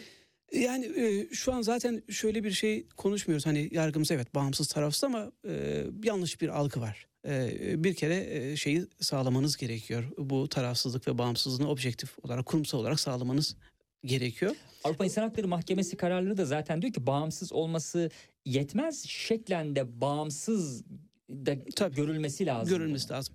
Bizim önce bağımsız ve tarafsızlığı sağlamamız gerekir. Ondan sonra öbürünü çözeriz diye düşünüyorum zaman içerisinde. Evet. Türkiye'nin yargı düzeni içerisinde hakimler ancak diğer bürokratlar kadar özellikle onlar kadar bağımsızlığa sahiptirler. Özelde yargı genelde devlet bürokrasisinin bir çalışanıdırlar. Yargısal faaliyetin bir öznesi değil, bürokratik zincirin bir halkasıdır. Hatta katı bir hiyerarşiyle bağlı oldukları yargı bürokrasisinin işleyişi ve mevzuatı hakimlerin sıradan memur ve bürokratların sahip oldukları bir takım haklardan ve koruyucu usul hükümlerinden de yoksun bırakılmaları sonucunu doğuruyor diyor. Bu çok iddialı. Evet. Çünkü hani e, hakimlerin e, teminatı değil mi? Evet. E, he- hukuk fakültesi birinci sınıftan bu tarafa öğretilen sadece hukukçuları değil herkese temel hukuk kavramları dersinde öğretilen bir kavramdı aslında. Hakimlik teminatı işte az olunamazlar, o olunamaz, bu olunamaz filan. Ama bakıldığı zaman e, normal bir bürokrattan bile Evet. avantajsız konumdaysa e, böyle bir e, tırnak içinde memur e, her şey yapar. Yani şöyle bir örnek verelim. Bugün herhangi Mı bir diye sormuş olduk. herhangi bir müdürü, Evet. herhangi bir genel müdürü, daire başkanlığı, bürokraside çalışan e, bir görevliyi görevinden aldığınızda ne yapabilir? Gider mahkemeye başvurur. Hı. Yani e, kamu görevinden atmaktan bahsetmiyorum. Aldınız hı. başka bir yere tayin ettiniz. Başka bir göreve, başka bir makama atadınız. Bu durumda yargıya ve mahkemeye başvurabilir. Hakimlerin e, meslekten çıkarılma haricinde hiçbir şekilde yargı yoluna başvurma şansı yok. Bugün İstanbul'dan alıp e, diyelim ki e, Kastamonu'ya gönderdiğinizde bir hakimin e, ya da işte e, Samsun'a gönderdiğinizde bir hakim başvurucu herhangi bir yargı yolu yok. Sadece Hmm. HSK'ya bir kez daha itira- yeniden inceleme talebinde bulunabilir. Ama Hmm. buradan alınan bir müdürün veya başka bir görevlinin e, tabii ki başka bir e, yargı merciğine başvurma orada kendi iddia ve savunmalarının tartışılmasını hani e, sözleşmenin Avrupa İnsan Hakları Sözleşmesi'nin 6. maddesinde belirtilen kendi iddialarını bir yargı merci önünde, tarafsız bir yargı merci önünde dile getirme hakkına sahip. E, bu açıdan bakınca hakimlerin aslında sıradan bürokratların sahip olduğu bazı e, güvencelere de sahip olmadığını görüyoruz. Hmm, Bir de e, şunu da eklemek istiyorum. Tabii. Yani e, normatif düzenlemeler e, ya da e, sözler gerçek fiili hayatı tek başına değiştiren e, unsurlar değildir. Yani anayasada ya da kanunlarda bunu yazmanız e, önemlidir, kıymetlidir. E, belki işin başlangıcı temelini bu oluşturur. Ancak bunu yazmanız değil, fiiliyatta da bunun e, öyle olmasını sağlamanız gerekir. Anayasada hakimler bağımsızdır demekle bunu hatta 10 kere tekrar etmekle Hmm, hakimler hiçbir şey hakimler olmaz. bağımsız olmaz. Ee, kitapta Muzaffer Şakar Osmanlı ve Cumhuriyet dönemlerinde yargının bürokratik niteliklerinden söz ederek Osmanlı ve Cumhuriyet dönemindeki reformların hakimlik mesleğini ne şekilde dönüştürdüğünü de değerlendiriyor. Ee, bununla birlikte çalışmanın amacı Osmanlı ve Cumhuriyet dönemindeki kadılık ve hakimlik mesleklerini karşılaştırmak, üstünlüklerini ve eksikliklerini göstermek değil, her iki dönemde mesleğin bürokratik niteliklerini ortaya koymak olarak kendi kitabında ifade ediyor, alıntılamış oluyorum Doktor Muzaffer Şakar'ın e, ifadeleriyle birlikte. Şimdi e, modern devlet diye başlayacağız E, ki modern e, devlette acaba nasıl oluyor? Modern devletin yargı vaatlerinin bir türlü gerçekleşmemesi, yargının kurumsal ve fonksiyonel niteliklerinin uygulamaya oldukça sınırlı ölçüde yansıması kavram kargaşasını daha da anlaşılır kılıyor. Son olarak siyasal dönüşümler hukuk ve siyaset lügatına da yansımakta. Her yeni dönem kendi hukuk ve siyaset terimlerini oluşturmaktadır. Bu kargaşaya son verme olanağı bulunmasaydı bulunmasa da hakimlik mesleğinin içinde var olduğu yapının anlaşılabilmesi için yargı kavramına ilişkin bir açıklama yapmakta fayda var diyorsunuz. Bu açıklamayı aldıktan sonra belki Cumhuriyet dönemine geçebiliriz. Evet e, yani bir kavramsal açıklama yapmak zorunda kaldık. Çünkü e, bazen kurumlar size e, Almanya'daki uygulamayı vaat ediyor ama içeri girdiğinizde e, Pakistan'daki uygulamayı Şey görebiliyorsunuz. gibi hayaller Almanya, gerçekler tabii. E, Afganistan. Tabii tabii. evet. Yani e, yargı temelde kişilerin temel hak ve hürriyetlerini e, koruma amacıyla e, bağımsız mahkemeler ve hakimlerden, avukatlardan, cumhuriyet savcılarından e, oluşan e, bir kurumsal yapı. E, hakların dağıtılması, cezaların e, verilmesi e, göreviyle görevlendirilmiş. Aynı zamanda idarenin denetimi e, gibi e, insan haklarının e, korunması, ve güvence altına alınması gibi görevleri var. E, yargıyı bu esaslar çerçevesinde düşünmek ve kamu devlet e, organları içerisinde devlet içerisindeki yerini böyle ele almak lazım. Çünkü bu yargı tanımı üzerinden bu yargı fonksiyonu üzerinden hakimin de aslında yerini e, ve ehemmiyetini e, kavrayabiliriz. İşte hakim yargının bu üstlendiği misyonları yerine getirebilecek e, niteliklere e, sadece görevi kapsamında ayrıcalıklara e, sahip e, olan kişi e, ya da makam e, diyebiliriz. Evet. Ee, şimdi Osmanlı döneminde kadılık e, kitapta da tabii bilimsel çalışmanın bir sonucu Hı. olarak e, geniş e, bir yer bulmuş. Doğrusu Osmanlı dönemindeki kadılığa çok bakmayacağız. Cumhuriyet dönemine geçeceğiz ama sadece şuradan e, bir kısım okuyalım. Belki ona siz açıklama, ekleme yapabilirsiniz. Osmanlı yönetim anlayışına göre devletin geleneksel ve temel işlevlerinden biri adaletin ülkede baştan başa hüküm sürdüğü güvencesini sağlamaktı. Aynı coğrafyada kurulmuş birçok yönetimde geçerli olan resmi ideolojiye göre yöneticilerin asli görevi İslam cemaatini dış dünyaya karşı savunmak ve İslam toplumu içerisinde adaleti sürdürmekti. İstikrar ve düzenin temelini adalet oluşturmaktaydı. Osmanlı Devleti'nin ilk yıllarında uyuşmazlıkların çözülmesi ve adalet işlemlerinin yürütülmesiyle görevli belli bir meslek grubu ve bürokratik mekanizma bulunmamaktaydı. Sonra E, şimdi Osmanlı bir adalet dairesi üzerine e, e, Evet. kurulmuş bir döngüsü üzerine. Yani şöyle inanılıyor. Evvela reaya, tebaaya adaleti sağlamaz, sağlamalısınız. Onun varlığı için adil davranmalısınız ki kişilerin e, reayanın bağlılığını sağlayasınız. Bu bağlılığı sağlayamazsanız reaya olmazsa üretim olmaz. Üretim olmazsa vergi alamazsınız, tahsil edemezsiniz. Vergi alamazsanız ordu kuramazsınız. Ordu olmazsa saltanat yıkılır. Saltanat olmazsa devletin nizamı olmaz ve devlet yıkılırsa siz de adaleti sunamazsınız. Yani temel bir döngü üzerine kurulmuş. Hı hı, hı. Tabii ki başlangıçta e, bir beylik düzeyindeki e, bir e, yapıda, siyasal oluşumda e, adalet işleri e, çok daha kolay dağıtılabilir ama büyüdükçe bir devlet, bir imparatorluk söz konusu olduğunda adalet dağıtmakla, e, yargı göreviyle e, görevlendirmeniz gereken kişiler olacaktır. İşte e, Osman e, Bey döneminde henüz e, Karacahisar'ın kadı tayiniyle başlıyor Hı. ve sonrasında kadılık, kazaskerlik e, teşkilatıyla çok da oldukça da sofistike bir yapı. Yani Osmanlı diğer İslam Emevilerde, Abbasilerde, dört halife döneminde de kadı tayinleri var. Fakat Hı. e, bu e, görevi en kapsamlı şekilde düzenleyen Osmanlı. Hmm. Aslında bu olumlu bir yön fakat hı. bunun günümüze yansıyan ciddi olumsuzlukları da var. Çünkü Hmm. bunu çok kapsamlı düzenlemiş. E, merkezdeki ilmiye, seyfiye, e, kalemiye ve mülkiye dediğimiz dört e, temel bürokrasi kolu var ve yargı ilmiye içerisinde düzenlenmiş. Her birinin terfilerini, atanmalarını, göreve gelişlerini, ayrılışlarını, ayrılışlarını ayrıntılı bir şekilde düzenlemiş ve bir e, şey hiyerarşisi silsilesi oluşturmuş. Hı hı. E, işte bu gelenek aslında biraz da bugüne yansıyan. Evet geçmişte adaletin e, adalet görevinin dağıtmanın e, ciddiye alınması sebebiyle başlayan bir uygulama. Fakat bugüne yansıyan e, bir takım, bugüne miras kalan bir takım olumsuz yönleri de var kuşkusuz. Ee, şimdi birçok ülkenin e, yargı sistemini daha doğrusu hakimlik teşkilatını da incelemişsinizdir.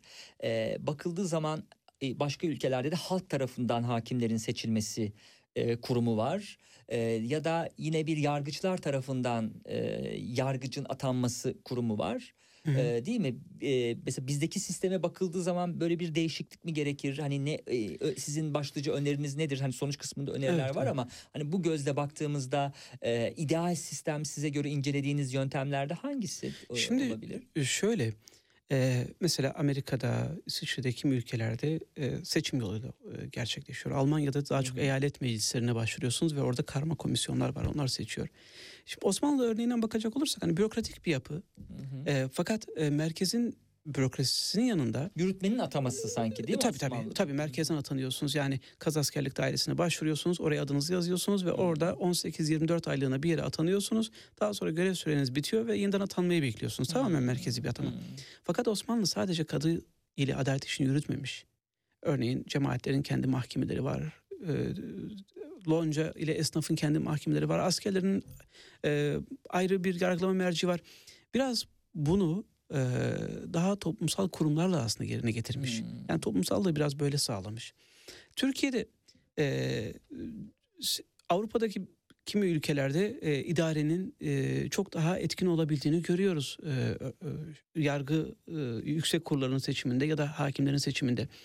E, fakat bunu e, örneğin idarenin kontrol altına almasını engelleyecek mekanizmalar var bir takım. Örneğin kamuoyu denetimini çok iyi yapabiliyorsunuz.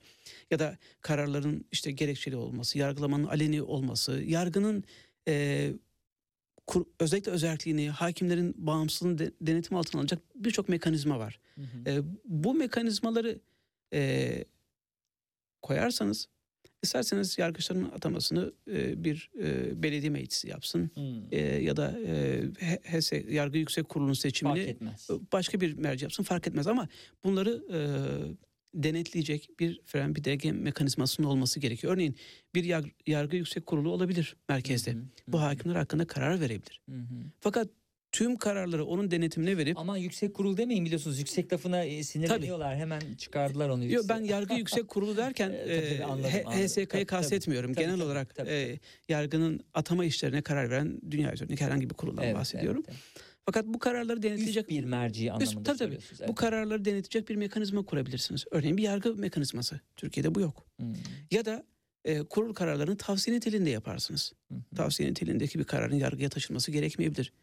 Veya örneğin Almanya'daki sanırım Richterbund e, diye hani hakimleri destekleyecek, savunacak çok güçlü bir sendikal mekanizma, bir e, örgütlenmeleri olur. Onun kararlarına karşı kamuoyu oluşturacak e, bir güç olur. Yani karşısında bir şeyin olması gerekiyor.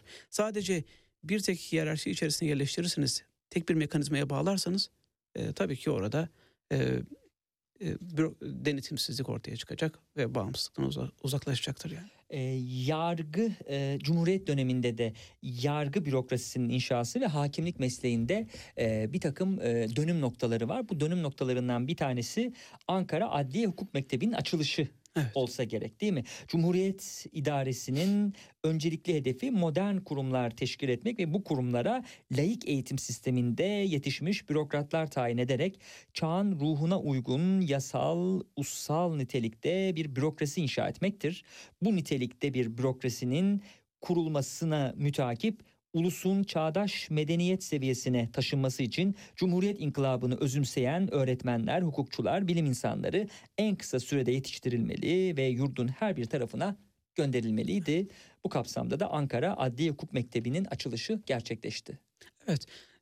aslına bakarsanız benzer bir e, gelişim Tanzimat döneminde de var. Tanzimat e, daha sonra 1870'lerde e, pek çok e, kodifikasyon yapıldıktan sonra ticaret alanında, ceza hukuku alanında değişiklik yapıldıktan sonra hakimlerin yeni kanunlara uyum sağlaması için o dönemde de örneğin önce bir dershane kuruluyor. Daha sonra e, kadı e, mektebi hukuk kuruluyor vesaire böyle bir gelişme var. Şimdi Cumhuriyet'te bunun çok daha kapsamlı halini görüyoruz. İşte 26'da Medeni Kanun, Ceza Kanunu, Ticaret Kanunu, Usul Kanunu birçok kanunu değişiklik yapılıyor. Bu bir. İkincisi e, farklı bir iddiası var Cumhuriyet'in. E, geçmişten koptuğuna, ayrı bir yapı oluşturucuna, dinin yerine ulusun ikame edildiğine dair bir iddiası var. E, bu iddianın devamı olarak e, bunu e, icra edecek, yerine getirecek e, görevlileri de yetiştirmeniz ve yeni hukuku benimseyecek, özümseyecek, yeni rejimin ihtiyaçlarına karşılık verecek bir hukukçu sınıfı yetiştirmeniz gerekiyor. Bu okulun açılma gayelerinden bir tanesi de bu. Bir diğer husus, aslına bakarsanız e, ulus e, devletlerin e, çoğunluğunun gelişimi bu, bu benzer e, şekilde gerçekleşiyor. Özellikle Müslüman e, coğrafyada. E, yani merkezde bürokratik bir aygıt kurmak ve rasyonel bir e, bürokrasi kurmak. Orada yetiştirilecek e, kişilerle ya da orada hazırlanacak müfredatla, taslaklarla ulusun, toplumun geri kalanını e, aydınlatma e, görevi içerisinde e, bu plan içerisinde hareket etmek gibi bir misyonu var. Böyle bu modernleşme e, izleyi, bu modernleşme hattı modern e, ulus devletlerde özellikle on- 20. yüzyıldaki e, İslam coğrafyasında gördüğümüz e, üsluplardan, tarzlardan bir tanesi. Hı hı. Cumhuriyet'in ilk yıllarına baktığımız zaman 26-34 arasında aslında şimdikine benzer de bir yapı değil mi? E, Hakimlik mesleğine ilişkin kurulmuş olarak anlıyorum okuduğumda. Hakim olabilmek için Türk olmak, şimdiki koşullarda da aynısı geçerli. 20 yaşını bitirmiş olmak ki yaş konusunda şimdikinden biraz farklılık var Evet. sanıyorum. Ee, askerliğini yapmış, tecil e, ettirmiş ve elverişte olmadığı anlaşılmış olmak, bulaşıcı hastalığı veya görevini yapmaya engel sakatlığı bulunmamak, belli suçlardan mahkum olmamak diye devam ediyor ve hukuk fakültesinden ya da hukuk mektebinden mezun olmak. Ne fark var ikisi arasında? E, hukuk fakültesi malumunuz e, Ankara Hukuk Mektebi'nin de ilk açıldığında adı o. E, fakat e, e, hu- hukuk mektebinden kastettiği İstanbul'da kurulan e, hukuk mektebini kastediyor. E, Ankara e, Hukuk e, Mektebi olarak kurulsa da daha sonra Ankara Hukuk e, Fakültesi oluyor. Tamam, ikisi de 4 yıllık hukuk fakültelerinden Ya, hu- bahsediyoruz. hukuk mektebinin Osmanlı dönemindeki hukuk mektebinin 4 yıllık olduğu e, tam emin değilim. Muhtemelen o da 4 Hı hı, yıllık idi. hı, hı hı. E, e, ikisini kastediyor. Şehir farkı var yani. Tabii tabii hukuk mektebi, biri hukuk, hukuk fakültesi, fakültesi olarak adlandırıyor, e, biri hukuk mektebi Tabii olarak. bir de e, hukuk fakültesi e, başka ülkelerde bitirmiş olmak da hani sadece e, Türkiye'de değil. Hı hı, hı e, ya 34'teki kanunda ya da 26'daki kanunda açıkça sayılmış işte e, Fransızca, e, Almanca, İtalyanca gibi dillerde e, okutulan, e, eğitim veren bir hukuk fakültesine mezun olmak da hakim olabilmek için mümkün. özlük hakları terfileri de düzenlenmiş daha Tabii, 26'da tabii. değil mi? Çünkü hani Osmanlı'daki kadılıktan Cumhuriyete geçişte e, etraflı bir kanun e, anladığım kadarıyla var. Mesela terfi edebilmeleri için hakimlerin teftiş kurulu tarafından terfiye layık bulunmaları gerekiyor. Evet yani beni biraz da geçmişe götüren bu oldu. Ee, günümüzden geriye doğru her gittiğimde, her mevzuata baktığımda Daha iyi. e, yok, Yok. daha iyiden ziyade çok büyük bir benzerlik gördüm. Hmm. Yani o dönemde de aynı e, oldukça bugüne benzeyen bir terfi sisteminin, o günde bugüne benzeyen bir atama sisteminin varlığını biraz da görünce bu beni e, daha sürekli geriye doğru çağırmaya Evet, başladı. Bu arada daha iyi derken şunun için söyledim. Bir sonraki paragrafta hakimlerin tayinleri rızalarıyla mümkündü diyor ya. Tabii, tabii, o tabii. bakımdan daha iyi mi Tabii. dedim. Yani e, bu aslına bakarsanız e, daha sonra da devam ediyor. 1972'ye kadar sanırım e, yer teminatı var hakimlerin. E, sonradan kaldırılıyor yer teminatı. Hmm. 61 e, anayasası sonrasındaki hakimler e, Yüksek Hakimler Kurulu mevzuatı ve o dönemde yapılan değişikliğe göre hakimler ancak e, rızalarıyla yerleri değiştirilebiliyor. 72'deydi yanlış hatırlamıyorsam şey değiştiriliyor. Peki şey olmaz mı? Ee, sıkıntı olmaz mı yer teminatı da? Ee, yani e, belli bölgelerde hakim bulma sıkıntısı yaşar mı bakanlık? Hani yer teminatı e, tekrar geri getirilse acaba? Yani e, şöyle e, bunun e, tabii ki Ya da kendi bölgelerinde hakimlerin hakimlik yapmak istemeleri, e, tanıdıkları için hani hakimin reddi kurumunun işletilmesi anlamında bir e, çok kullanılan bir etken olabilir mi acaba? ya aslına bakarsanız ha- hakimlik bununla mücadele edebilmektir, bunu başarabilmektir. Hmm. E, yani Türkiye'de evet bu çok zor ve imkansız görülüyor neredeyse ama aynı zamanda kendi bildiğiniz bir yerde hakimlik yapmak orayı tanımanız Hı hı. insanın adetlerini, geleneklerini bilmeniz gerekir. Yani hukukun asıl e, kaynak aldığı yerlerden uyuşmazlıkların e, çıktığı yere dair bir bilginizin de olması gerekir. Yani Hı hı. e, bir örf hukukunu uygulamanız gerektiğinde bunu da bilmeniz, örneğin ticaret hukukundan bahsediyorum, Evet. e, gerekiyor. E, yer teminatı tabii ki Türkiye'de e, tayinlerin çok fazla e, olması ya da bölgeler arasındaki gelişmenin farklı olması yer teminatının uygulanmasını biraz güçleştiriyor ama yer teminatını kaldırıp bir hakimi defalarca tayin etmek de e, çok ciddi bir bağlılık, bu bağımlılığa bir- yol açıyor. Tabii bir de şöyle bir bu bu bir ceza Ee, seni sürüyorum hani bu kararı vermezsen noktasına da asla tabii gelmemeli. O da ayrı bir konu. Hani bu şekilde işletiliyorsa cezalandırma aracı olarak işletiliyorsa yer değiştirme Hı hı. o tabii korkunç bir şey. Yani her uygulamayı koyarken onun yerine bir de, denetim ya da koruma mekanizması kullanmazsanız o mutlaka kötüye kullanma riskini barındırır. Hı hı. Yani eğer bunu koyuyorsanız tayin e, yer değiştirmeyi muvaffakatı dışında rızası dışında yapıyorsanız mutlaka bunu koruyacak bir mekanizma kur- kurmanız lazım. Hı hı.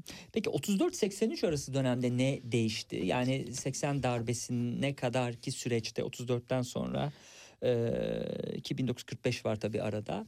E, neler oldu? Neye evrildi? Yani şöyle e, zaten 1926 yılında ilk hakimler kanunu çıktığında Hı hı. 3000 civarında hakim görev yapıyor o dönemde Hı hı. ve bu 3000 hakim Bayağı neredeyse da varmış tabii, aslında değil mi? neredeyse tamam evet ciddi bir sayı tamamı Osmanlı bakiyesi. Hmm. E, çünkü 25'te hukuk fakültesini kurmuşsunuz. E, 26'da kanunu çıkardığınızda var olan hakimlerin demek ki hiçbirisi Ankara Hukuk Mektebi'nden ya da Ankara Hukuk Fakültesinden mezun değil. Hı hı. E, Hı hı. Şeyden İstanbul'daki e, fakülteden, hukuk mektebinden Hı e, ya da Darülfünun'un hukuk şubesinden mezun Hı hı. Hı hı. veya yurt dışından mezun. E, şimdi şöyle bu dönemler arasında şöyle değişimler oluyor. Örneğin 1926 kanunda hakimlerin atanması, seçilmesi, disiplin işlemleri temyiz mahkemesi e, hakimleriyle Adalet Bakanlığı bürokratlarından oluşan karma komisyonlar tarafından e, yürütülüyor bu süreçler. 1934 ile 1983 arasında e, tabii ki sadece hakimler kanunu değişikliklerine bakmamak lazım. E, bir de o dönemdeki anayasa değişiklikleri ve bir de yük- Yüksek Hakimler Kurulu kuruluyor 1961 Anayasası'ndan Hı. sonra. Siz şey diye bahsediyordunuz ondan. Yargı karargahı. Evet. Niye böyle adlandırdınız? Şimdi e, karargah bir merkezde olan, duran ve e, tüm e, hücrelerine, uzuvlarına e, her türlü talimatı, kararı alıp verebilen bir Hı. e, birim olarak hı. tanımlayabiliriz belki. Şimdi HSK'nın ya da daha önce HSYK'nın ya da Yüksek Hakimler Kurulu'nun belki Yüksek Hakimler Kurulu'nun hani yargı yoluna açık olması vesaire nedeniyle biraz daha 72 öncesinde e, bu kadar güçlü bir merkez olduğunu söyleyemeyiz. Ancak merkezi olarak bu kadar güçlü olmaları, hakimlerin e, mesleğe kabulleri, tayinleri, terfileri, meslekten çıkarılmaları, disiplin cezaları vesaire alanında tek yetkili olmaları, kararlarının hiçbir e, yargısal denetime tabi olmaması nedeniyle bunu merkeziyetçiliğini ve merkezdeki gücünü e, fazlalığını ifade etmek için biraz da karargah terimini kullandım. hı hı, hı hı.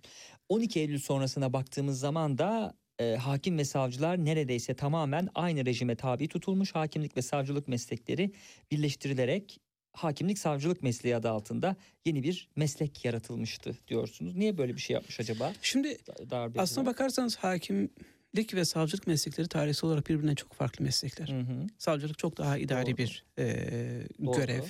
E, biraz daha kamu e, güvenliği e, ve e, asayiş e, ile bağlantısı çok yüksek bir merci.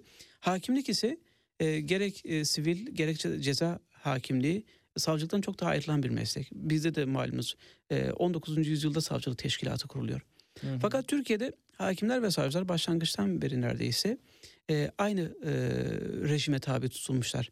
1961 Anayasası sonrasında Yüksek Hakimler Kurulu ayrılmış, Yüksek Savcılar Kurulu şeklinde bir ayrım var. İki ayrı meslek e, sonrasında iki ayrı e, göreve dönüşmüş. E, 12 Eylül sonrasında. Yani iki ayrı meslek oldukları dahi kabul edilmiyor e, hakimlerin ve savcıların. Bu aslına bakarsanız savunma bakımından da ciddi bir handikap. Hakim ve savcıların bu kadar yakınlaştırılması, bu kadar iç içe geçmesi. Yani iddianın ve savunmanın özellikle ceza Hı hı. yargılamasından bahsediyorum. Hı hı. Bir nevi yargılamanın hakim savcı işbirliği içerisinde yürütülen e, avukatın belli ölçüde dışarıda kaldığı bir sürece dönüştürüyor. Ve şeyin e, 12 Eylül sonrasında düzenlenen 2802'nin sayılı Hakimler Kanunu'nun, Hakimler ve Savcılar Kanunu'nun hakim ve savcıları bu denli iç içe e, alması, bu- denli yakınlaştırması bu işleyişin en büyük e, etkenlerinden bir tanesi. Normalde e, kesinlikle e, ciddi ölçüde ayrılmaları gerekir. Hmm. Hakimliğin ve savcılığın. E, bırakınız mesleğin e, şimdi işte kura aşamasında hakimliğe ve savcılığa geçmeden önce bu ayrım yapılıyor. Çok daha öncesinde tamamen ayrı meslekler birbirinden Hmm. gerek ç- çalışma alan e, seçilme e, yöntemleri, mesleğe kabulleri ve e, çalışma alanlarında ciddi ayrılıkların oluşması Hı hı, gerekir. hı hı. Ee, hakimlerin e, bağlı olduğu idari en üst otorite ve savcılarında Yüksek Hakimler Kurulu'nun kuruluşu e, 12 Eylül öncesine 27 Mayıs'a dayanıyor. tabii. Ee, sonra isim değişikliğiyle Hakimler ve Savcılar Yüksek Kurulu'nun kuruluşuysa 10 e, 2 Eylül sonrası Sonrası. döneme denk geliyor. Daha sonra ise Hakimler ve Savcılar Yüksek Kurulu'nun kurulmasıyla birlikte ve sonra 2010'da Hakimler ve Savcılar Kurulu'na dönüşmesiyle birlikte üst yapı şimdiki konumuna 2010 yılında kavuşuyor sanki. Yani 2017'de ismi değişti. Hmm. Hakimler Savcılar Kurulu oldu. Doğru.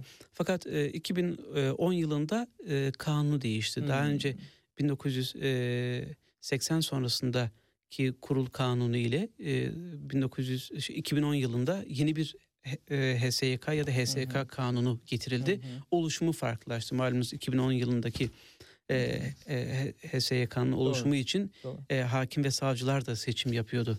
Hı E, hı. üyelerinin e, 10'unu e, 7 e, adli yargı, 3 e, idari yargı olmak üzere hakim ve savcılar belirlemekteydi. 2017 e, sonrasında seçim sadece Cumhurbaşkanı ve Türkiye Büyük Millet Meclisi tarafından yapılmakta. Evet, e, temiz mahkemesi aktivizmine bakacak olursak Türkiye'de yargının teşkilatlanma biçimi merkezden taşraya ve yukarıdan aşağıya doğrudur. Yargı yerelde kurulmakta, merkezde teşkilatlanarak yerele uzanmaktadır. Nitekim Tanzimat dönemi yargı reformunun ilk hamlesi de 1838 yılında Meclisi Vala'nın kurulması olmuştur. Cumhuriyet döneminde ise ilk olarak temiz mahkemesi kurulmuş. Ardından taşra teşkilatı ve hakimlik mesleği yeniden düzenlenmiştir diyoruz. E, temiz mahkemesinin e, kuruluşu o zaman cum, e, tabii Cumhuriyet döneminde olacak ama öncesinde de zaten bunu karşılayan başka bir yer Tabii varmış. tabii yani e, 1868 e, Yargıtay da bugün kendi kuruluş tarihi olarak onu kabul ediyor. Hmm. E, meclisi e, ahkam O zaman da duayla mı açılıyormuş binaları? yani Danıştay'ın açılışı e, sanırım öyle yapılmıştı. E, Hmm. 10 Mayıs 1868'de. E, ama Yargıtay'da bilmiyorum hatırlamıyorum. Peki nasıl istiyorlarsa öyle sürdürsünler. Biz devam ettiğimizde e, hakimlik hiyerarşisini görüyoruz. E, esasında bir e, hiyerarşi beklenmez tabii. Yani Evet. Yargıtay hakimiyle ilk derece mahkemesi hakim arasında da bu bağlamda bir hiyerarşi yoktur Yoktur. şüphesiz. Tabii ki. E, bu e, hakimlik hiyerarşisinde e, o bürokrasinin bir e, zinciri olarak hani fiiliyatta konumlanmasından kaynaklı bir e, ifade bu. Yani e, bunun iki boyutu var. Birincisi özlük hakları bakımından yani Hı hı. mesleğe kabulünüz, meslek içerisinde tayin ve terfiniz, işte birinci sınıf olma gibi e, önemli bir eşik e, ve disiplin bakımından e, HSK'ya bağlısınız. Hı hı. E, bu ciddi bir hiyerarşi Hı ve hı. ciddi bir denet, e, denetim Hmm. sağlıyor ve bunun telafi edecek ya da bunu seyreltecek, e, etkisini düşürecek, azaltacak mekanizmalar yok. Hı hı. Yani bir yargı yolu yok, Hı hı. güçlü bir toplumsal destek yok, Hı hı. e, güçlü bir meslek örgütü yok. E, ikinci boyutu kararlarınız bakımından. E, şimdi siz e, hukukun herhangi bir alanında bir karar veriyorsunuz. E, bu kararınız e, yasaya uygun olduğunu düşünüyorsunuz. E, mevzuata uygun fakat yargıtay iştahatlarına aykırı. İştahatı birleştirme kararları bağlayıcı. Fakat onun dışındaki yargıtay kararları ya da kazayı iştahatlar, yargısal kararlar hakim için bağlayıcı değil. Evet.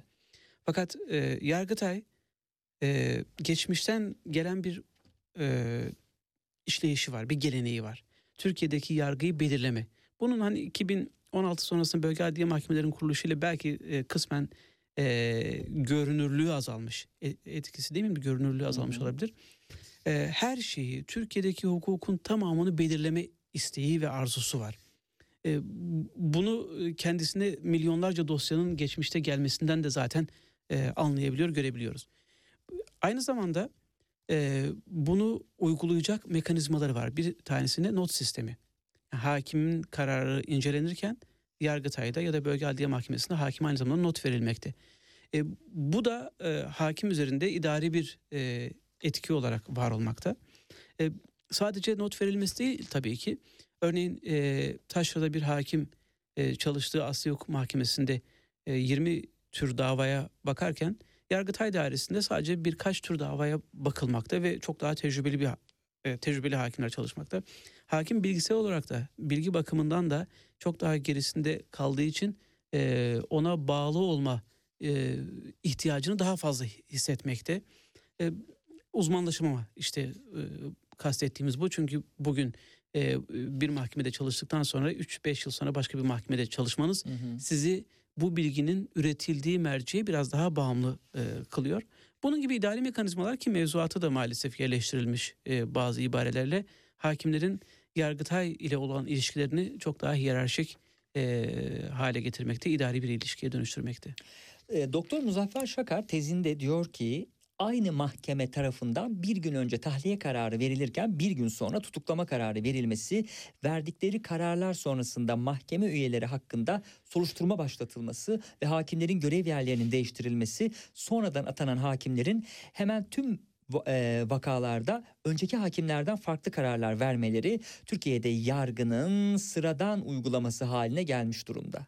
Korkunç bir tespit ama sonuna kadar da doğru bir tespit. Her şey e, gözümüzün önünde oluyor sonuç olarak. Bir yorum değil yani bu. Muzaffer Şakar'ın bir yorumu değil. Biraz sonra önerilerine geçeceğim. E, önce bir tespitine bakalım, objektif tespitine. E, evet, iktidarın politik tavrı doğrultusunda günlük olarak değişen ve çelişkili kararlar üreten mahkemelerin siyasal iktidar değişimleri sonrasında da yaşanan değişimle uyumlu kararlar verdikleri biliniyor. Yani Evet. bu iktidar değiştiği zaman da hakimler Yani bunu yeni iktidarın istediği yani o Bunu çok hızlı şekilde veriyor. görebiliyoruz. Yani ben e, kendi çalıştığım süre içerisinde de e, herkesin malumu olan olaylarla bahsedelim. Yani 97 28 Şubat sonrasında 10 yıl sonra 28 e, Şubat'ta aktif rol aldığı değerlendirilen, düşünülen kişilerin yargılandığını gördük hemen hı. 2007 yılından itibaren. 10 yıl geçti. E, hatta 10 yıl bile geçmedi. Bir süre sonra o yargılayan hakimlerin e, ya da o dönemde etkin rol alan hakimlerin yargılandığını gördük 2015-2016'dan itibaren. Hı. E, Oysa ki e, aynı hakimler yani 1997'de mesleğe başlayıp halen devam ettiren insanlar da var ya da 2000'lerde başlayıp aynı Hmm. hakimler çoğunluğu aynı hakimlerdi belki Evet. E, nasıl bu kadar hızlı değişebiliyor bunu soru üzerine durmak gerekiyor. bence. Aynen. Zaten kitabın da değil mi yo- yola Tabii. çıkış amacı tezin de sorguladığı konulardan bir tanesi bürokrasiyle birlikte buydu. Yani bağlantılı olarak buydu. Yedi başlıkta önerilerin neler olduğunu sıralamış. Yani çok kısa olduğu için böyle e, Tabii, hızlıca geçeyim. E, ilk olarak yargı düzeninin merkeziyetçi özelliğine, bu kapsamda Türkiye'deki davaların neredeyse yarısının Ankara'ya taşınması usulüne, Yargıtay'ın mahkemeler üzerindeki otoritesine son verilmelidir diyorsunuz ki e, tezinizden sonra değil mi bölge adliye mahkemeleri yürür, Ee, faaliyete başladı. Yani tezi yazdığım dönemde e, yürürlüğe Kısmen girdiler. öneriniz karşılanmış Evet. gibi oldu as- esasında. Aslında devamında onu da söylüyorum. Hani bölge adliye Hı hı hı. mahkemelerin kurulması olumlu bir gelişmedir Hı diyorum devam eden cümlede. Hı. Fakat e, etkinliği e, artırılmalı. arttırılmalı. İkinci olarak hakimlik mesleği içerisindeki kariyer basamakları asgariye indirilmeli, sınıf sistemi kaldırılmalı. Sadece kıdemi gözeten bir maaş ve derecelendirme usulü düzenlenmelidir. Üçüncü olarak hakimlerin sıkı bir denetim ve gözetim altında tutulduğu disiplin ve gözetleme sistemi terk edilmelidir. Ee, tabii bunları e, detaylı biçimde açıklıyor Muzaffer Şakar sevgili dinleyenler. Ee, dördüncü olarak Yargı Yüksek Kurulu'nun bir idari kurul olduğu kabul edilmeli ve kararlarına karşı yargı yolu açılmalı. E, ki e, biraz önce yayın başladığından bu tarafa da bu hususun üzerinde do- doğrudan ve dolaylı olarak birçok defa duruldu. Beşinci olarak toplumun farklı kesimlerinin yargının inşasına ve yönetimine dahil olması sağlanmalı. Farklı görüşlerin temsilinin önü açılmalı. Altıncı olarak hakimlik ve savcılık mesleklerinin gerek hukuksal misyonları gerekse yargılama sürecindeki pozisyonlarının farklılığı gözetilerek iki ayrı meslek oldukları kabul edilmeli denilmiş. Bu arada ben e, şunu söyleyeyim, sorayım. E, görüşünüz nedir? Meslekten hakimliğe ilişkin. Çünkü zaman zaman da bu savunuluyor. Evet, evet. Yani tüccar olan biri de hukuk fakültesi bitirmemesine rağmen hakim olsun en azından işi o bilir. Asli Ticaret Mahkemesi'ne bir üye de tüccar atansın deniyor. Ne diyorsunuz bu görüşe? Şimdi e, hakimliğin temelinde e, iki bilgi vardır. Birincisi uyuşmazlığa ilişkin bilgi. Yani tüccarın bildiği bilgi. Olamaz e, diyorsunuz yani. Yok hayır olamaz demiyorum. Peki. İkincisi uyuşmazlık çözme bilgisi. Mesela e, İngiltere'de e, bunu şöyle çözüyorlar. Magistralar var meslekten e, hakim olmayanlar ama onlara hukukçular danışmanlık yapıyor. Hı hı. Yani siz bu kararı verirseniz mevcut hukuk sistemiyle çelişmeyen bir karar verirsiniz. Hmm. E, hukuksal bir destek alması gerekir mutlaka.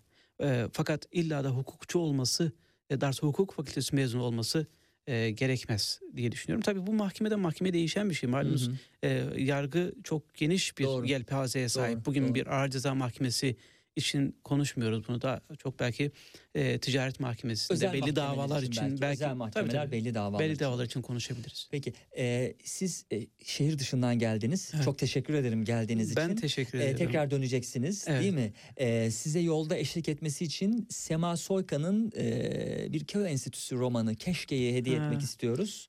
E, Bozkır'ı yeşertmek ne kadar sürer? Bir mevsim mi? Gençlik, eğitim, aydınlanma, özgürlük ne kadar sürer? 10 yıl mı? Pişmanlık ne kadar sürer? Çeyrek asır mı? Aşk ne kadar sürer? Bir ömür mü Ha, diye çok sorgulamış. Onun sorgulamaları sizin naziksiniz. sorgulamalarınızdan daha e, şey Daha hayati. Yok estağfurullah daha daha böyle kulağa güzel.